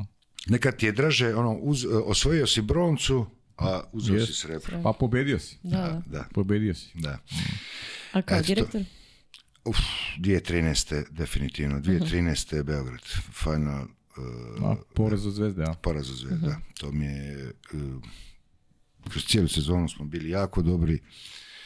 Bili smo favoriti. Imali smo možda tada po imenima najjaču momčad u Europi. Sigurno smo imali. Pa ne samo te godine. To je i to, momčad. Lek, igrao te godine. Da, da, da. da. Janović, Azevedo, mhm. Joković, Dobut, Bušlje, nema, nema, mislim, cijela momčana je bila mm. reprezentacija, mm. ali ovaj, to mi je najteže pao. Mislim, bio je pakao na bazenu, mhm. što je bilo za očekivat, mhm. eh, ali na, cijeli turnir kad smo došli eh, i prvu utakmicu protiv Partizana, igrali smo loše, Pobjedili smo jer smo pobjedili smo na iskustvo, i, ali sutra dan jako je to loša s naše strane bila ovaj, prezentacija i to mi je najteže palo. Jer smo bili, ja sam tu posto direktor ono, baš prva godina mhm. i ovaj, to mi je jako teško palo jer uh, Đuho je bio trener, teško si, imali smo puno zvijezda i Mm, teško si tada mogao nešto promijeniti. Pokušao, znao, imao sam neki osjećaj da ne ide na dobro mhm. pred finale, ali onda opet, dosi, opet imaš da. Ivović, ova, Ivovića, e, imaš... E, I Miho Bošković igra, tako? Da, Miho Bošković, da.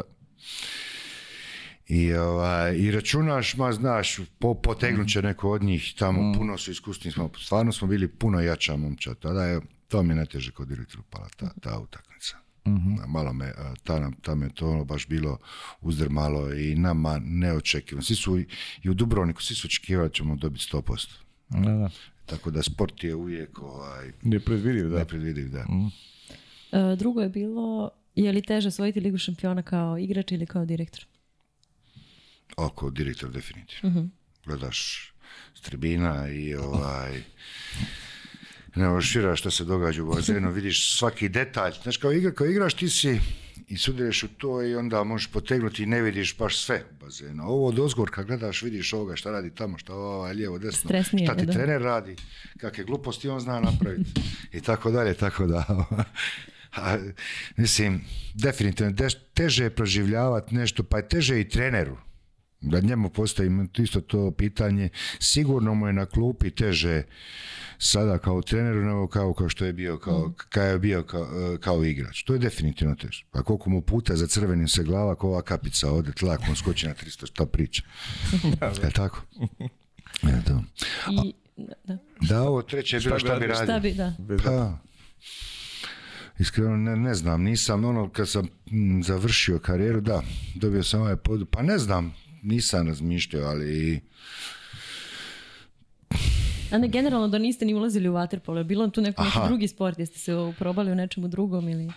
E, jesam, kod djete svoje nešto nešto počeo trenirati tenisa, ali onda mhm. sam e, došao jedan put na trening, e, pokojni Stanišić je bio tada ovaj, trener, mhm. da me vidio sa reketom, ono, što ti mali, što ti to taj Ja došao sa treninga tenisa, došao na bazen. mm Kaj mali, šta će ti taj reket tu? Ovaj? Pa ja kažem, treniram tenis ajde kaže ti odlučiš ti tenis. I onda je on skužio, tada je on vidio, pa i onda me pitao, pa dobro igraš tenis, koju ruku ti je sad držao, kad sam došao držao sam reket u desnoj ruci, pa kažem desnom, a, a vaterpolo lijevo. I dan danas ja igram ovaj, tenis, desnom, da, a, a, a vaterpolo sam igrao lijevom, pišem desnom. I tako da su me pokušavali to nešto desnom ruku da mogu igrati naš, ono, sestran, lijeva, desna, ali nije baš to tako što. a kako to? Pa ne znam, evo šta ja znam, i Maro Joković. I, isto, isto. Maro je pričao to, sad, sad, sad isto, isto, isto, isto, isto, i Maro Joković isto, ja čast desno mnogo da igram nogomet, nemam pojma igrat nogomet, da. se razumijem, ovaj, ali da ga moram igrat, moro, igrao bi ga desno, ne bi mogao lijevo. da, interesantno. da, da, Ali dobro, to je prednost levorukih igrača, tako? Ovaj, pa u, sportu, u sportu su rijetki. E, I naravno da je meni u karijeri, osim što sam dobro pivo, pomoglo to što sam imao lijevu ruku, da budemo mhm. iskreni. -huh, uh -huh. Ja moram da... da pitam za ovaj odnos sa, sa trenerom. Čuli smo dva puta najdraži šef, čuli smo vas koji kažete da nekada teško gledate pored klupe i, i teško ovaj, utičete na odluke koje donosi, verovatno. Kakav je odnos, kakva je saradnja? na na pa nisi imao nikad nekog s kim si toliko dugo radio, tako na relaciji da, da, Da, da, nis, da, da, ne, nisam imao. Dobro se trpite, tako, tako izgleda. Pa ne, imam odličnu suradnju, sad bez šalu na stranima, imam odličnu suradnju, proživljavamo i ja i on i pripremamo masu stvari i dogovaramo se. Naravno, on je taj koji e, i taktiku radi i njegova je zadnja, a naravno da masu puta i komentiramo i igrači kako bi neke stvari, sugestije i tako dalje, kako bi nešto mogli poboljšati. Mhm. Konkretno na primjer oko igre, nekad mu ja skrenem pozornost na nešto što ja vidim, što on ne vidi mi smo se od samog početka i tako dogovorili, ja ću ti reći ono što mi je na umu, to na drumu, mhm. ti je ćeš uhvatiti, nećeš, hoćeš prihvatiti, neće to je tvoje. Ali on to voli čut, on voli čut ne samo od mene i od članova uprave i tako da voli čut ta različita mišljenja i ko šta ima i onda nešto muđe ostane, možda napravi, možda ne i tako dalje, ali imamo odličnu suradnju. Nikad e, poslije utakmica koju smo izgubili tu večer ne, ne, ne, ne, ne komentiramo, pustimo da prespavamo pa se sutra dan vidimo i tako dalje. E, tako funkcioniramo, nevaljano kad je neko vruć ili on vruć ili ja ili bilo ko, mhm. pa tako i s igračima. Mhm. Izgubio si, izgubio šta, nešto sad promijeniti. Neće ništa se dogodi ako ostaviš da se nešto ne, ne, ne, prespava i da se neke stvari ne promijene, a uvijek gledaš nešto bolje, šta napred. Neko vidi više očiju i tako dalje, vidi bolje, sad i on ima sa sebe, ima uvijek dobre pomoćnike, suradnike i vidite da nam je klupa, ovaj, e, sad je tu i Koljanin s njime. To se baš te ti pitan. to je opet nešto što ovaj, je neki, ajde da kažem, raritet, nije to baš česta pojava u Vatepolu da Koljanin koji je predvodio vuljeg meni prošle godine, koji je vodio i Hrvatsku juniorsku reprezentaciju, neko hmm. ko je samostalan trener, a doveli ste ga tu im ulogu pomoćnika i evo gledali smo juče da je vodio on je juče vodio utakmicu. Je, juče je vodio utakmicu zato što je ovaj, vijek je malo nešto kasnio, mhm. ali vodio je već par utakmica. Ovako, Mislim, oni su kolege, izuzetno zajedno super, znaju se i od prije, a Situacija je takva naša kako što je u svijetu vaterpola. Nemate puno klubova u kojima dobrih klubova gdje treneri mogu raditi. E, dugi niz godina meni je vodio Koljanin, i proveo i prove već dole koliko 15 godina je proveo u Grčkoj. Mhm. Bolje govori grčki nego hrvatski. Mhm. ali ovaj ali ajmo reći da je nekako nije našao neki pravi angažman što bi njega e, zadovoljilo. I tako jedna smo vijeko je to inzistirao i tako dalje, da ga dovedemo u naš klub, da nam pomogne u radu. E, e, on je prvenstveno sada i trener juniora naših. Mhm. Da poboljšamo taj rad, znači taj rad gdje izbacujemo igrače iz tog, ajmo reći, mlađih kategorija, upravo momčad, da tu što bolje, da, da ojačamo to, da nam ono bolje, to za sada funkcionira odlično. Oni su kolege koji se jako dobro nadopunjuju i nama samo benefit za, za, za, klub. Ulagati u trenere je u svakom slučaju meni kao, kao direktoru kluba i tu uvijek prenosim i upravi kluba bitnije nego, nego možda je bitnije nekad dovesti dobroga trenera nego na primjer dva igrača mhm. ili jednoga igrača ili jer, jer opet se možemo vraćati na početak naše neke, neke filozofije kluba je to stvaranje tih igrača koji će ti sutra trebati u klubu. Mhm, mhm. U uh-huh, uh-huh. svakom slučaju super benefit da imate još jednog takvog da, trenera. Da, da. Pa evo nek se jedan razboli, op, drugi uskoči. I drugi uskoči, da. Uh, Pitanje? Ne, hoćemo, ali, ali jednu stvar nismo, nismo prošli, Savona. To je uh-huh. opet da. period tvoje, tvoje karijere i to je, ako se ne varimo tako, to je jedini izlazak iz Hrvatske da, da pričamo. Da, dvije godine sam prvo tamo. Dvije da, godine. Da, pa da. E, kakvi su ti utici vezano i moguće da priš neku paralelu E, funkcionisanja klubova, koliko je drugačiji e, italijanski neki e, stil u odnosu na, na hrvatski ili regionalni kako god i kako si prilagodio životu u Italiji, kako ti je, kako ti je to sve prilo? Pa dobro, ne mogu reći da mi je bilo loše, dvije uh mhm. -huh. lijepe godine, ajmo reći, mhm. iako je drugčiji način života i ne bi mogao izdržati duže da sam ostao tamo. Uh Ipak, znaš, no, fale ti neko svoje društvo, drugčije su kulture, drugčije u njih vid i druženja i ajmo reći van bazena i mhm. tako dalje. Znaš, ono, završiti, završiti trening, oni cak, cak, cak, svak svoje kući i nema, znaš, onda odeš s nekim popit piće, da se, znaš, ono, cijeli dan si sam. Mhm. E, jedino što sam tamo iskoristio u te dvije godine što sam dosta putovao okolo, imali smo dosta mhm. slobodnog vremena, ovaj, između, tamo igralo se samo Hrvat, ovaj, mene, hrvatsko, talijansko prvenstvo i igrali smo Europu, nemam pojma što smo igrali kupova ili mhm. tako nešto, se ne sjećam. Ali dosta sam imao, dosta vikenda sam imao slobodni gdje sam mogao putovati okolo oko Savoni, Firenca, Padova, nemam pojma.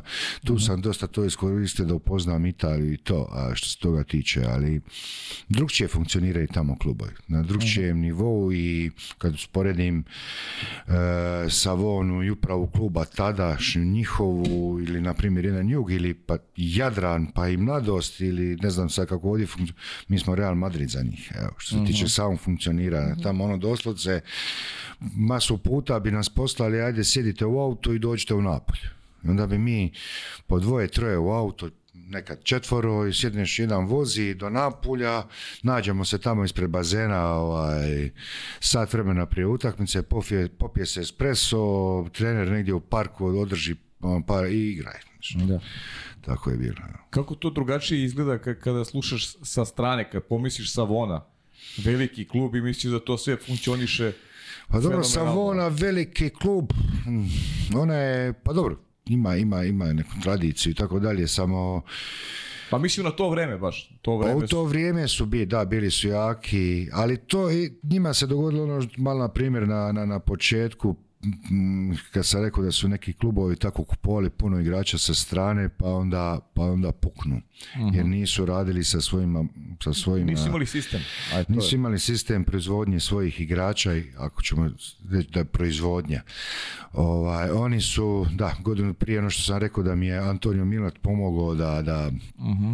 u taj klub bili su igrali su ligu prvaka protiv Jadrana Splitsko izgubili u finalu i bili su super jaka momčad ali imali su jedno osam igrača igrača sa strane, veliki troškovi za klub i tako dalje. Mhm. Onda su sponzor je naprosto, ajmo reći, zatvorio špinu ili puku i mhm. onda su oni se vratili, resetirali neđe na neki početak, ali opet nisu imali dovoljan broj igrača da ponovo se bore, nemaju neki kontinuitet. Mhm, jasno, jasno. Tako da, meni, gledajući ovako kao, kao, kao ili kao direktor, meni je puno draže kad neki klub ima kontinuitet, i kad ima tu te mlađe kategorije i, i na primjer Barceloneta jako lijepo radi. Mhm. I mm, su napravili jedan klub koji uz pomoć isto tako dva, tri igrača sa strane, ali drže jedan, jednu, kako se zove, imaju svoje igrače s kojima sad nastupaju, tako da Evo, mogu reći da u njih je taj rad s mlađim kategorijima, mm. mađari, da ne govorim. A pa, mislim, zdrava, stabilnija priča. Sigurno. tako je. I onda sad ja recimo gledam iz pozicije igrača, ja bih volao da budem u jednoj zdravoj, stabilnoj priči, jer, meni je oslonac za nešto što me čeka sutra i to je, da. to je, treba da bude neki, neki ispravan put. Tako. A mislim, u ovom našem sportu to je jedini ispravni put. uh Jedini ispravni put. Ne, nema ovo drugo. Možete vi, što ja kažem, dobiti na, na lotu, pa krenuti jednu sezonu, drugu sezonu, bum, bum, bum i onda treća godina, šta onda? Dobro, zato sam i pitao ono na početku vezano za 2023. Dakle, kod nas nema euforije čak ni na 100 godina, što je opet dokaz neke... Pa ne, idete, idete korak po korak. Da. E, Proslavit ćemo mi tu 23. stogodinu, to mhm. proslavit ćemo je najmanju ruku prva Hrvatska. A kaže mi, kad, kaže, kad ti neko kaže sad Savona, ovaj, šta ti neka asocijacija, po čemu pamtiš taj period generalno? Ili ima nešto upečatljivo ili prosto... Tamo, usprzao sam se. Znači, tamo sam igrao e, dvije godine, igrao se na otvorenom bazenu cijelu, cijelu godinu. E, Savona je gore kod Dženove, to je već sjever gore. Mhm. I, ovaj, I taj bazen je uh, smješten tamo uz more, uvijek je puhalo, uvijek hladno. Sjećam se, u biti trener bi, trener bi se navukao, vidjeli bi mu se samo oči, ovaj, a moraš skočiti skočiti u bazen. Toliko, neka bi se toliko para dizala da se ne bi s jednog strana kraja bazena na drugu stranu vidjelo uopće. Mm. Ovaj, kako ispara ovo, kako bi hladno bilo. E, to mi je najpoštitljivije ostalo. I ta putovanja njihova, to s autom, tramakavanje, pa rijetko kada s avionom. Jedino na Siciliju bi išli s avionom. Eto, Rođenova, dole u Palermo i to. I ta gostovanja. Dosta je jaka njihova liga u to vrijeme bila i tamo su me tukli, e, krpili par puta i tako dalje, ono kad dođeš kod stranac. Igrao sam s Viktorom Jelinićem tamo. da. E, tamo smo se, ovaj, tamo, on je ostao poslije još živi deset godina u Italiji. Da. E, ja se vratio. Da, tako da sam se najviše družio s njime, tako. Mhm. Moja žena i, i Biljana njegova ostale su velike prijateljice i dan danas. Mhm. Tamo su se upoznale i tako dalje. Tu, bile, tu je bilo dobre zezancije. mm Vasović je, Anto Vasović je tada igrao u Nici. Toga se sjećam i to mi je bilo dobro. To je na nekih 150 km. Tamo su na autoceste bile odmah, pa o, viđali bi se svakom prilikom i tako je, to je tako da taj neki bili ono što bi kaže gastajbateri što smo bili tamo onda družili bi se i to je bilo dobro a mhm. Treninzi vrlo lako, ovo to se kako je tako to hladno, ono, tamo trenirali bi nešto dva puta sedmično po dva treninga, ova tri puta sedmično jedan put, ono samo ujutro, ono što ono, kad, nećako neće trening bili oko 11 sati, ono kad sunce malo zagrije da možeš, mhm. stvarno je hladno bilo, to je mhm. gore, ta savona Dženova uvijek je hladno zimi. Me, delo mi kao da si jedva izdržao te dve godine. Pa dobro, nije, nije da sam jedva izdržao, ali, ali to mi ono, evo. Aha. Jedva sam čekao da se vratimo. 95. E, pa sam se, vratio u Juga i to je već samo ono prodiso. Govorite li italijanski? Da, da, govorim. Znaš kako? da. Italijanski je vrlo jednostavan jezik. tako i, neko ko dođe u Italiju, onako, ko nikad nije pričao, nakon mjesec dana ga progovori. Znaš šta vam je karakteristika svima ovaj, vama sa Primorja? Ovaj, uvijek se neko birate sredine gde negde more, naviknuti ste na more, teško se odvojate ovaj, i to je manje više karakteristika. Evo koliko je ovo nama 108, 108 epizoda i, i uglavnom, su, uglavnom su slični doživljaji vas, vas Primoraca kada ovaj, morate da odete negde... Ovaj... O, ne nužno, ne nužno. Aha. Ne nužno. Nije nužno, ne, ma idu pa igraju i u Zagrebu, igrali su, igraju mhm. ovdje i u Beogradu. Ali ipak je uzmor. Pa dobro, moguće da da, mhm. ali ne, nije vam to, ja mislim da igračima ipak bitnije u kojem klubu igra. stabilnost, da. Pa, da, li, da taj klub ima ambicija, da li... Mhm. Često puta kad igrači dolaze u naš klub, onda odmah prvu stvar što pitaju ili mene ili vijeka koje su nam ambicije za tu sezonu. Ako uh nekoga pitate da dođe, on vas pita, dobro, a šta će nam, šta vam je plan, koga, koga još namjeravate do s kim ću igrati i tako dalje. To je igračima primarnije nego to samo gdje igraju. uh A, pa šta reko, Rekao, rekao, ko rekao, rekao da nema novaca, pa vam je za poludit će, božić zini. Eto, pa pet dana, nakon pet dana tamo, mislim, tamo što privlači igrače je lova. Mhm. Mislim, što oni plaćaju brutalno, ali ovaj, tamo nakon pet dana što si u tom reku nema žive duše. I šta ćeš mhm. raditi? do, do sad, ne možeš ti sad svaki dan ići tamo u Dženo, a i da dođeš u Dženo i, mislim, talijanski način života ovoga našega ovdje je sasvim drugčiji, tako da, mhm. to priča da mu je kri divno, krasno, onaj ko voli da cijeli dan stoji u kući, njemu je sjajno, ali da. ko neko ko voli izaći među ljude, to je za poludita. znači ja nisam za, taj, za to Da. Poludeo bi. ja jedno čekam treće pitanje. Treći, ajmo, idemo da, treće ajmo. pitanje, može. Ajde. je treće? Pozdrav i sve u imam jednu molbu i dva pitanja. Prva molba je za Paju da u buduće sve goste koji dolaze u Beorad na, na, na turnire vikendom ne zove rano ujutru u studio. A prvo pitanje je za Ognjena da mi nabroji tri igrača koje bi volio da vidi u svom klubu. I drugo pitanje je da li bi on kao funkcioner kluba imao nešto protiv da se svi turniri Jadranske ligi održavaju u Beogradu?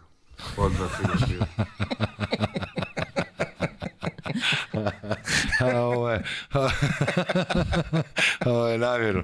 Ovo drugo pitanje, pa ja mogu početi sa drugim pitanjem. Može, može.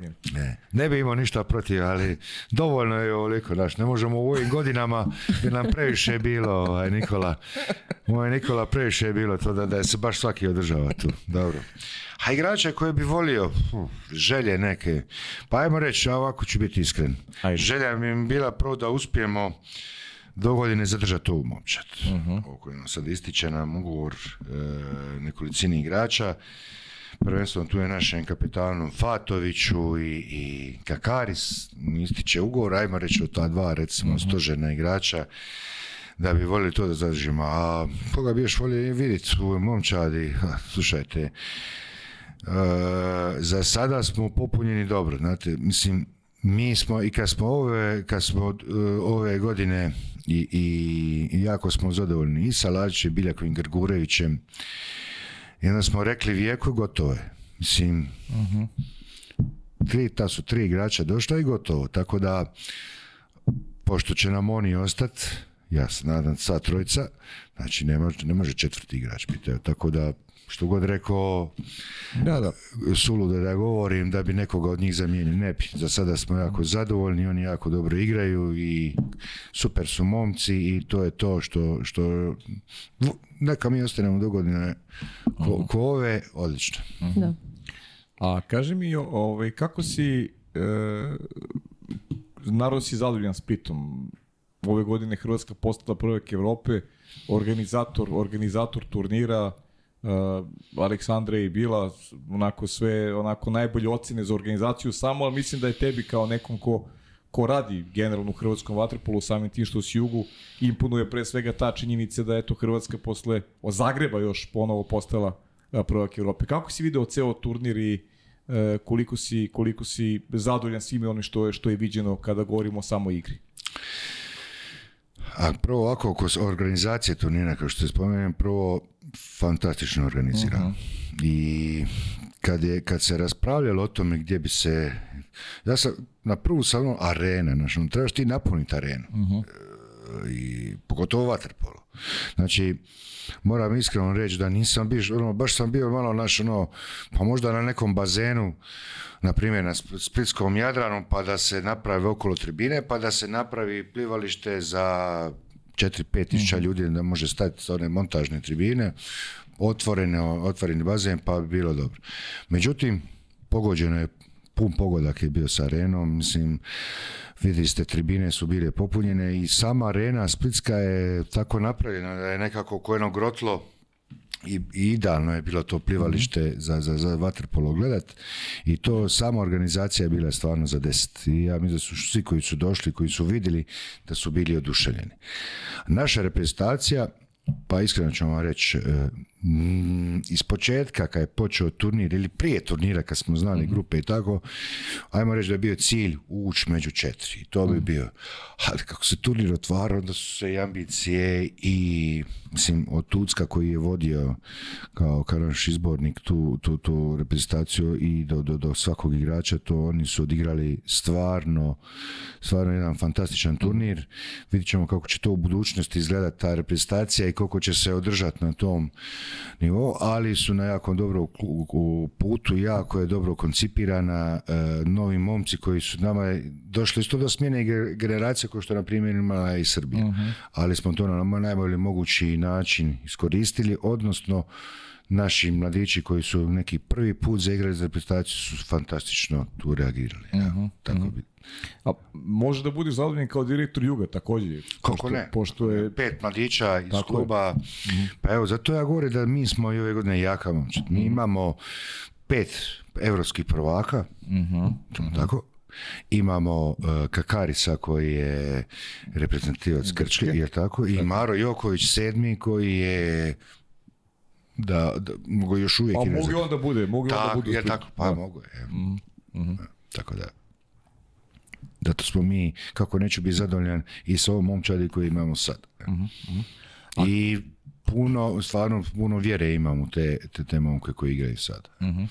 A kako si kao sportski radnik zadovoljan u kom pravcu ide vaterpolo Geno, Malo si je dotakao teme s početka, bit će drugačiji sad izgledi Lige šampiona, promijenit će se u nekom narodnom periodu.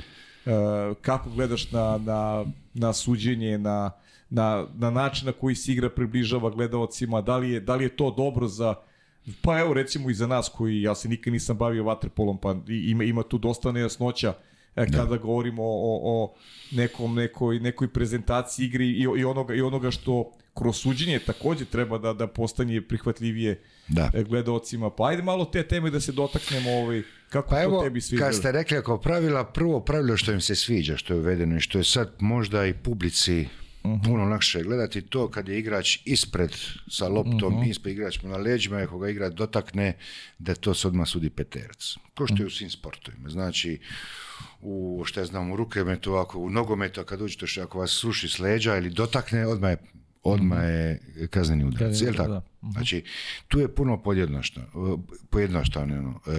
E, gledajte šta se događalo prije. Na primjer, igrač sa, sa, sa loptom ispred, između golmana i igrača koji ima na leđima i onda sad ovaj mu jaše nešto po njemu, vješa se i tako dalje i sad e, suda to pušta ako lopta na ruci.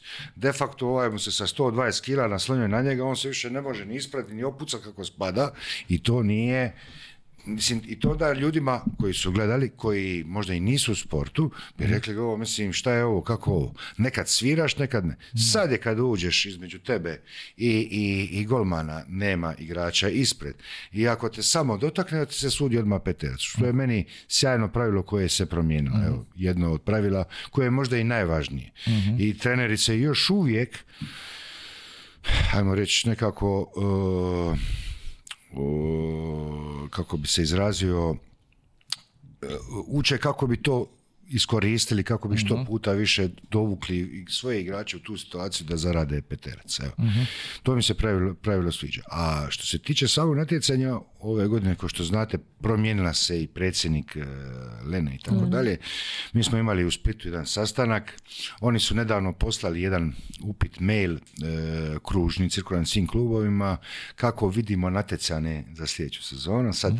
neki klubovi su dalje za Final Eight, neki su, ja ću reći konkretno stajalište Juga. Juga Pa nama je konkretno da se može napraviti četiri grupe po četiri i na, dakle da poslije toga da se igra četiri finale.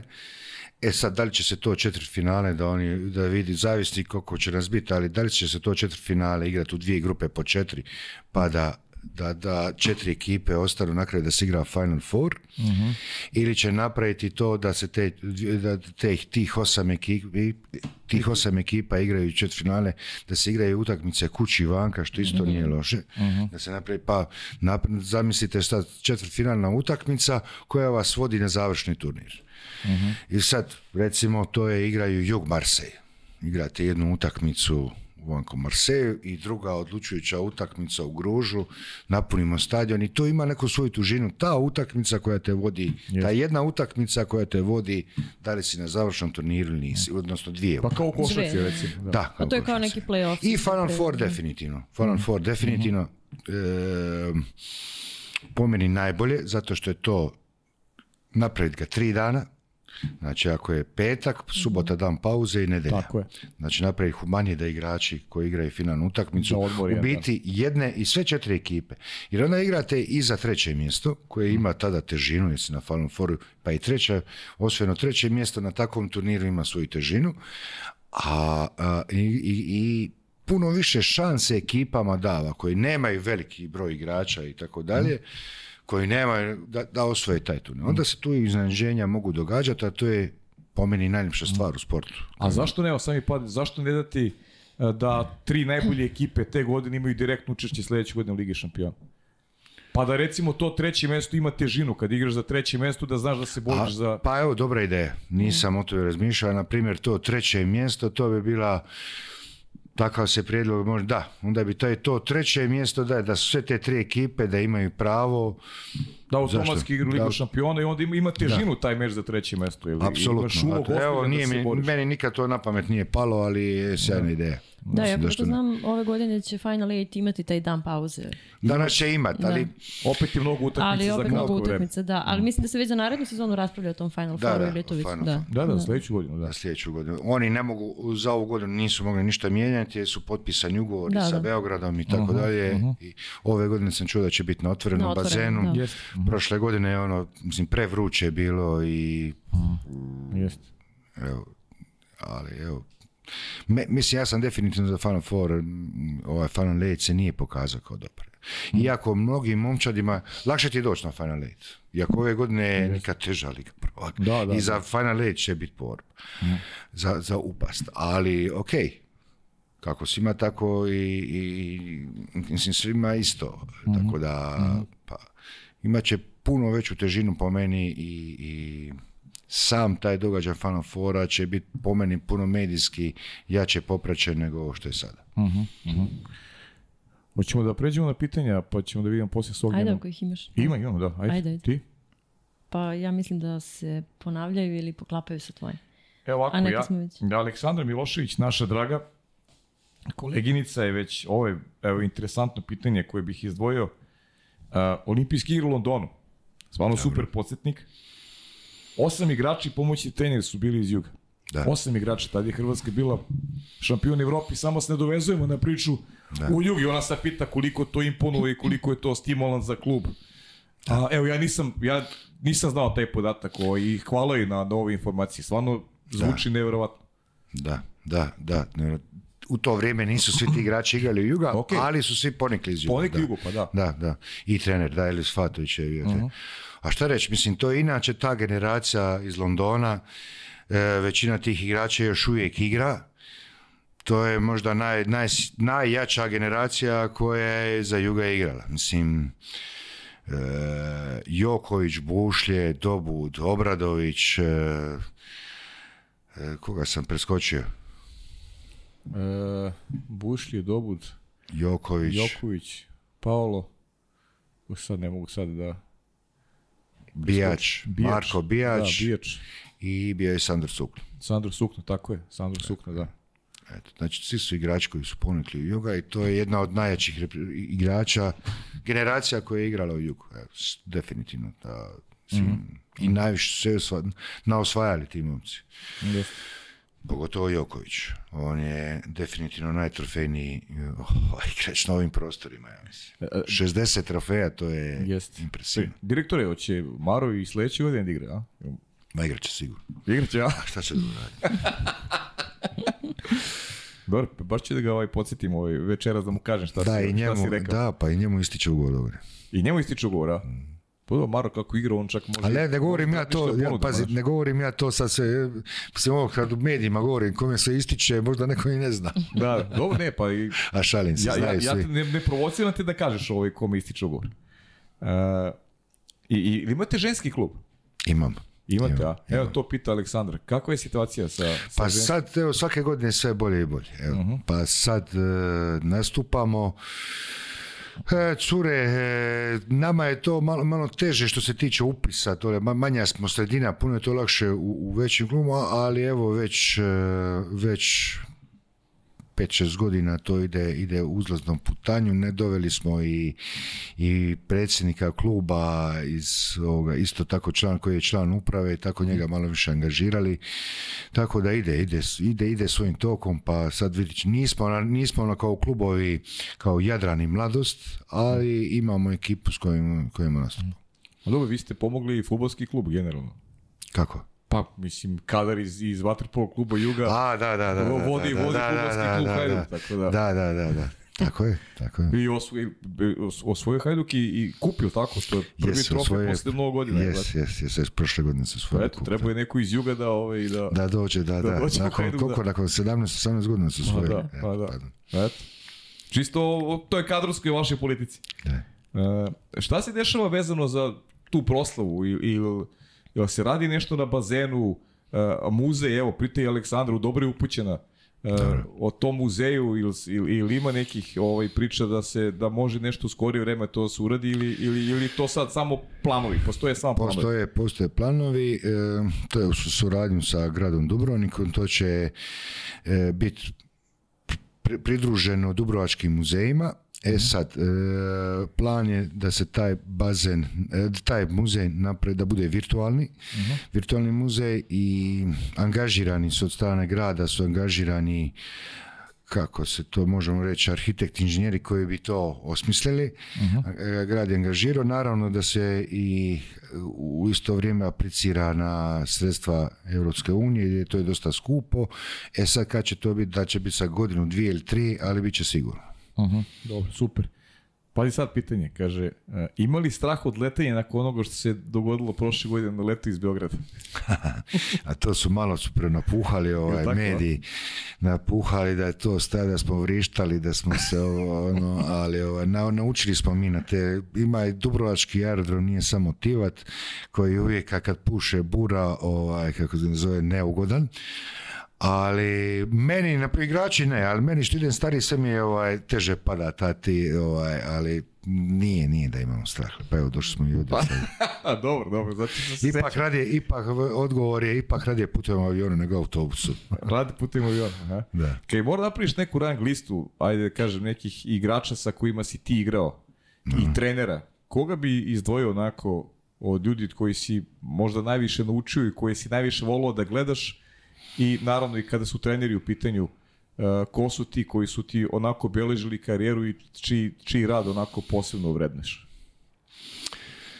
Pa ajmo, krenuo bi prvo od početka, kad sam se, znači, od trenera koji su, kad sam počeo trenirati mm znači, ono, tada su bili pioniri, danas to u nas zovu sad nade, E, tu su bili pokojni Murvar i Dubo Stanišić. Oni su mi, ajmo reći, što je najvažnije tada u prvom početku usadili ljubav prema stvori da ostanem u sport, sportu, što je i danas nama najvažnije, da ti prvi treneri koji primaju djecu, koji treniraju, da, zadrže djecu na bazenu. To je broj jedan. Ajmo reći da njih dvojicu iako sam imao i poslije i, i, i Toma Udovičića i uh-huh. Trivka Banđura, koji mislim, se su to sjajni treneri bili, koji su ti, svaki ti trener ostavi nešto što pamtiš i tako dalje i meni tu imao sam, mogu reći da sam imao sreće dok smo mi tada i, mhm. i dobru ekipu i dobre prijatelje, tako da, tako da evo, što se tiče tih trenera u mlađim kategorijama. A trener, ajde, mislim, osvajao sam se sa, sa, sa trenerima kao što je Emil Nikolić, sa Đuhom mhm. i ne može, mislim, i sa Nevenom Kovačevićem, mm-hmm. Splitskim i naravno da su to e, treneri kojima sam imao super i koji su me e, ajmo reći dobro usmjeravali, trenirali i tako dalje, ali jedan trener to je Đuro Savinović koji me tada, evo, mhm. rekao sam i malo mhm. prije, sa 16 godina, 17, znači dobio sam priliku da treniram sa i da uđem u prvi sastav Juga, pa njega bi nešto. I on je, ajmo reći, ima najviše strpljenja ovaj, sa, sa, sa radom, da, s, s mhm. nama mladima tada. A igrači? Uf, igrača je bilo puno. Pa šta ja znam, e, ali ajmo reći, ja, ću iz juga, znači, s Alenom Boškovićem se igrao desno i tu smo se najbolje nadopunjavali.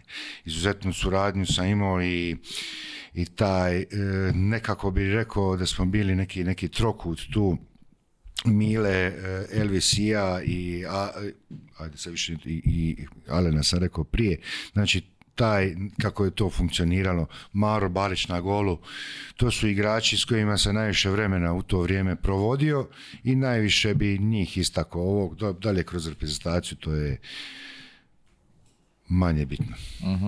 -huh. Gledaš neki drugi sportove, pratiš ili ili je to glavno pa prati... je prvenstvo u futbolu sada? Što pa gledam ovo igra Hrvatska i to mhm. manje i tako. Pogledat ću neku, ovaj, dobro mhm. sad, pogledat ću neku drugu dobru utakmicu. Kad mm je, neki dan smo bili u restoranu pa smo gledali isto i Srbija i Brazil i to me mhm. interesiralo i tako dalje, ali ovaj, gledam, gledam, gledam, volim gledati tenis. Volim A tenis, da, ti si, da, ti si ovaj... Pa volim ga gledati, to mi je ovako, na, ono, druga, druga sportska ljubava je realno. Da, onda gleda, kad igra reprezentacija naša, da li rukomet, da li nogomet, pogledam, uh volim gledati ovako, volim gledati sportove koji su, ajde, nećemo na nju, sada ću pratit svaku utakmicu, neku, Aha, ne, ne. ne. Mhm, mhm. Alex? Mislim da je to to. Što se pitanja tiče. Što se tiče pitanja, da. Pa dobro, ima pitanja, dosta pitanja smo koje su, da, dosta su prošle, da. Ajde, daš, ajde, još, još jedna stvar koju sam, koju sam teo te pitam. Ili ima nešto što onako, evo i Aleksandra, neka najluđa stvar koju si uradio generalno u Waterpolu ili, ili da neko ili da je neko ovaj, ili ima da je neko posebno bio grup sa, da si sa nekim ulazio u duel koji su onako ostali tebi upečatljivi kroz karijer? a kako nije pa vijeko me malo ubio će baš vijeko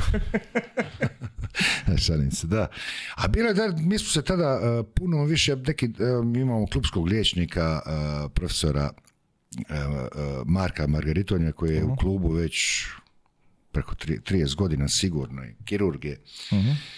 I smo nedavno baš komentirali ovaj, pa on je, on je non stop i putovao, sad manje, sad više i nestiženi profesori predaje. I, ovaj, I baš smo komentirali to kako bi on skoro imao svaku drugu utakmicu u prosjeku bi imao neku intervenciju da nekoga šiva. I sad toga više nema, hvala Bogu da nema, manje ima i mhm. tako, ne znam, je sad ili mi bili toliko luđi ili smo se više tukli i udarale ili su se sad promijenila pravila, u principu sad su se promijenila pravila za taj udarac preko vode ili to brutality, mhm. taj dobijaš mhm.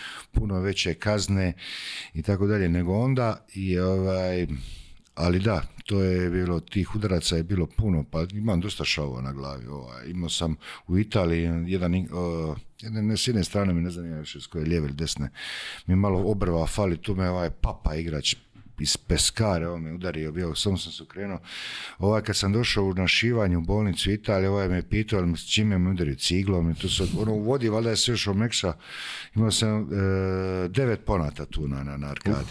Da. Mm i tako da. Onda u, na Final Fouru u Dubrovniku, ono me kalkatera ispod oka, to nisam ni osjetio, ali to me isto doktor Margarito, on, on me zašio doslovce za 30 sekundi, mi tu sedam ponata, ispod oka stavio.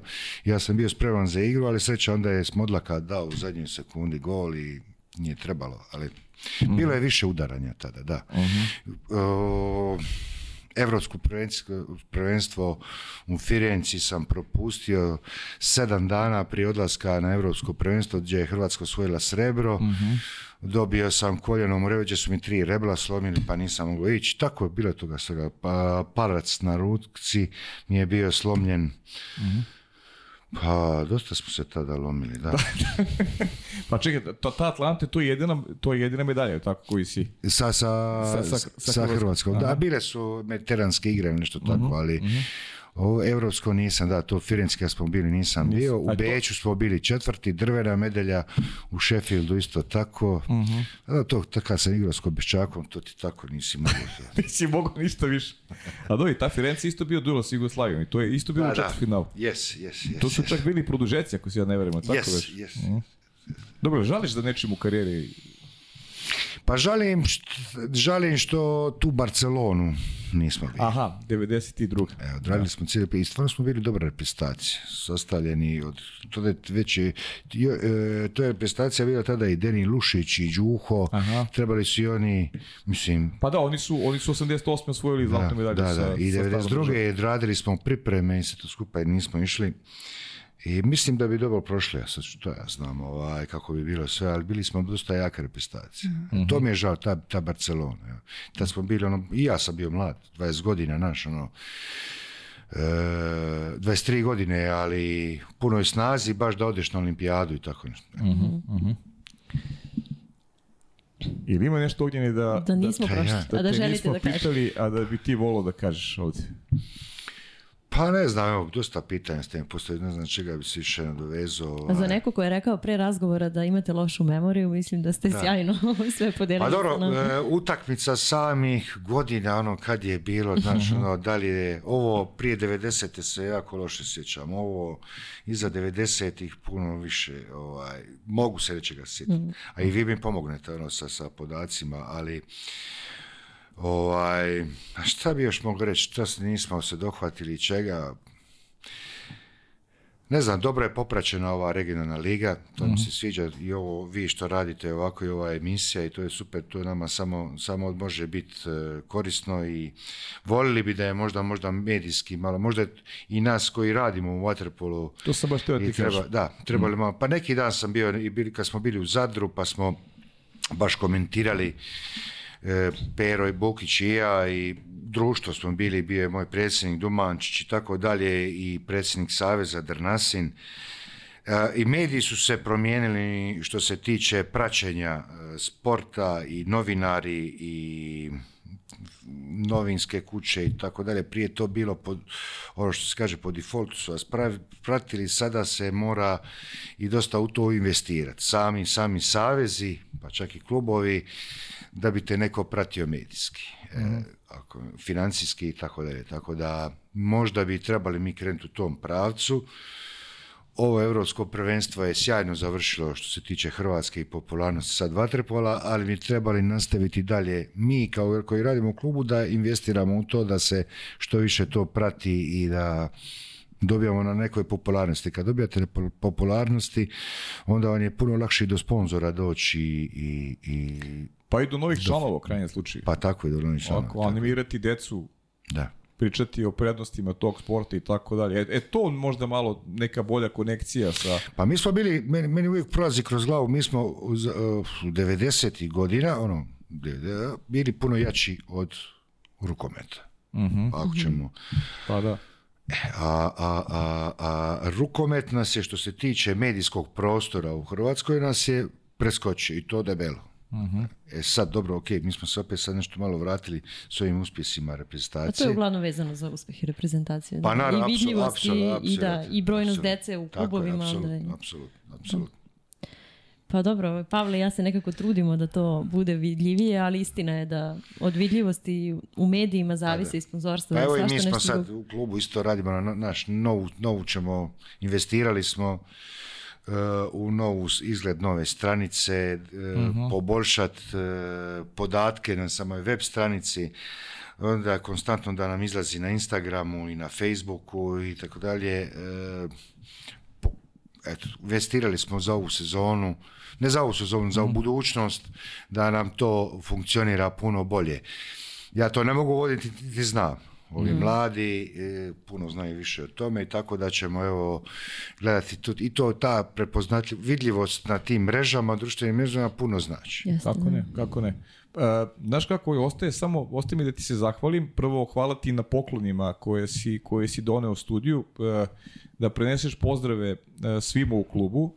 Imam potrebu da vam se zahvalim i na profesionalizmu konstantno koji pokazujete i odnosu prema generalnom i podcastu, jer uvek mi je drago i da vas vidim i da pričam s vama, jer e, ovako dajete jedan lep primer e, kada govorimo generalno o Vatepolu u regionu i mogu samo da vam poželim mnogo uspeha i ove godine, a naravno eto ta jubilarna neka prođe onako kako ste, kako ste predvideli, pa i u smislu eto tih aktivnosti vezanih za e, i muze i za možda neke nove ako aktivnosti na bazenu, sve što poželite ostvarite i imaćete, što se nas tiče, imate podršku, apsolutno.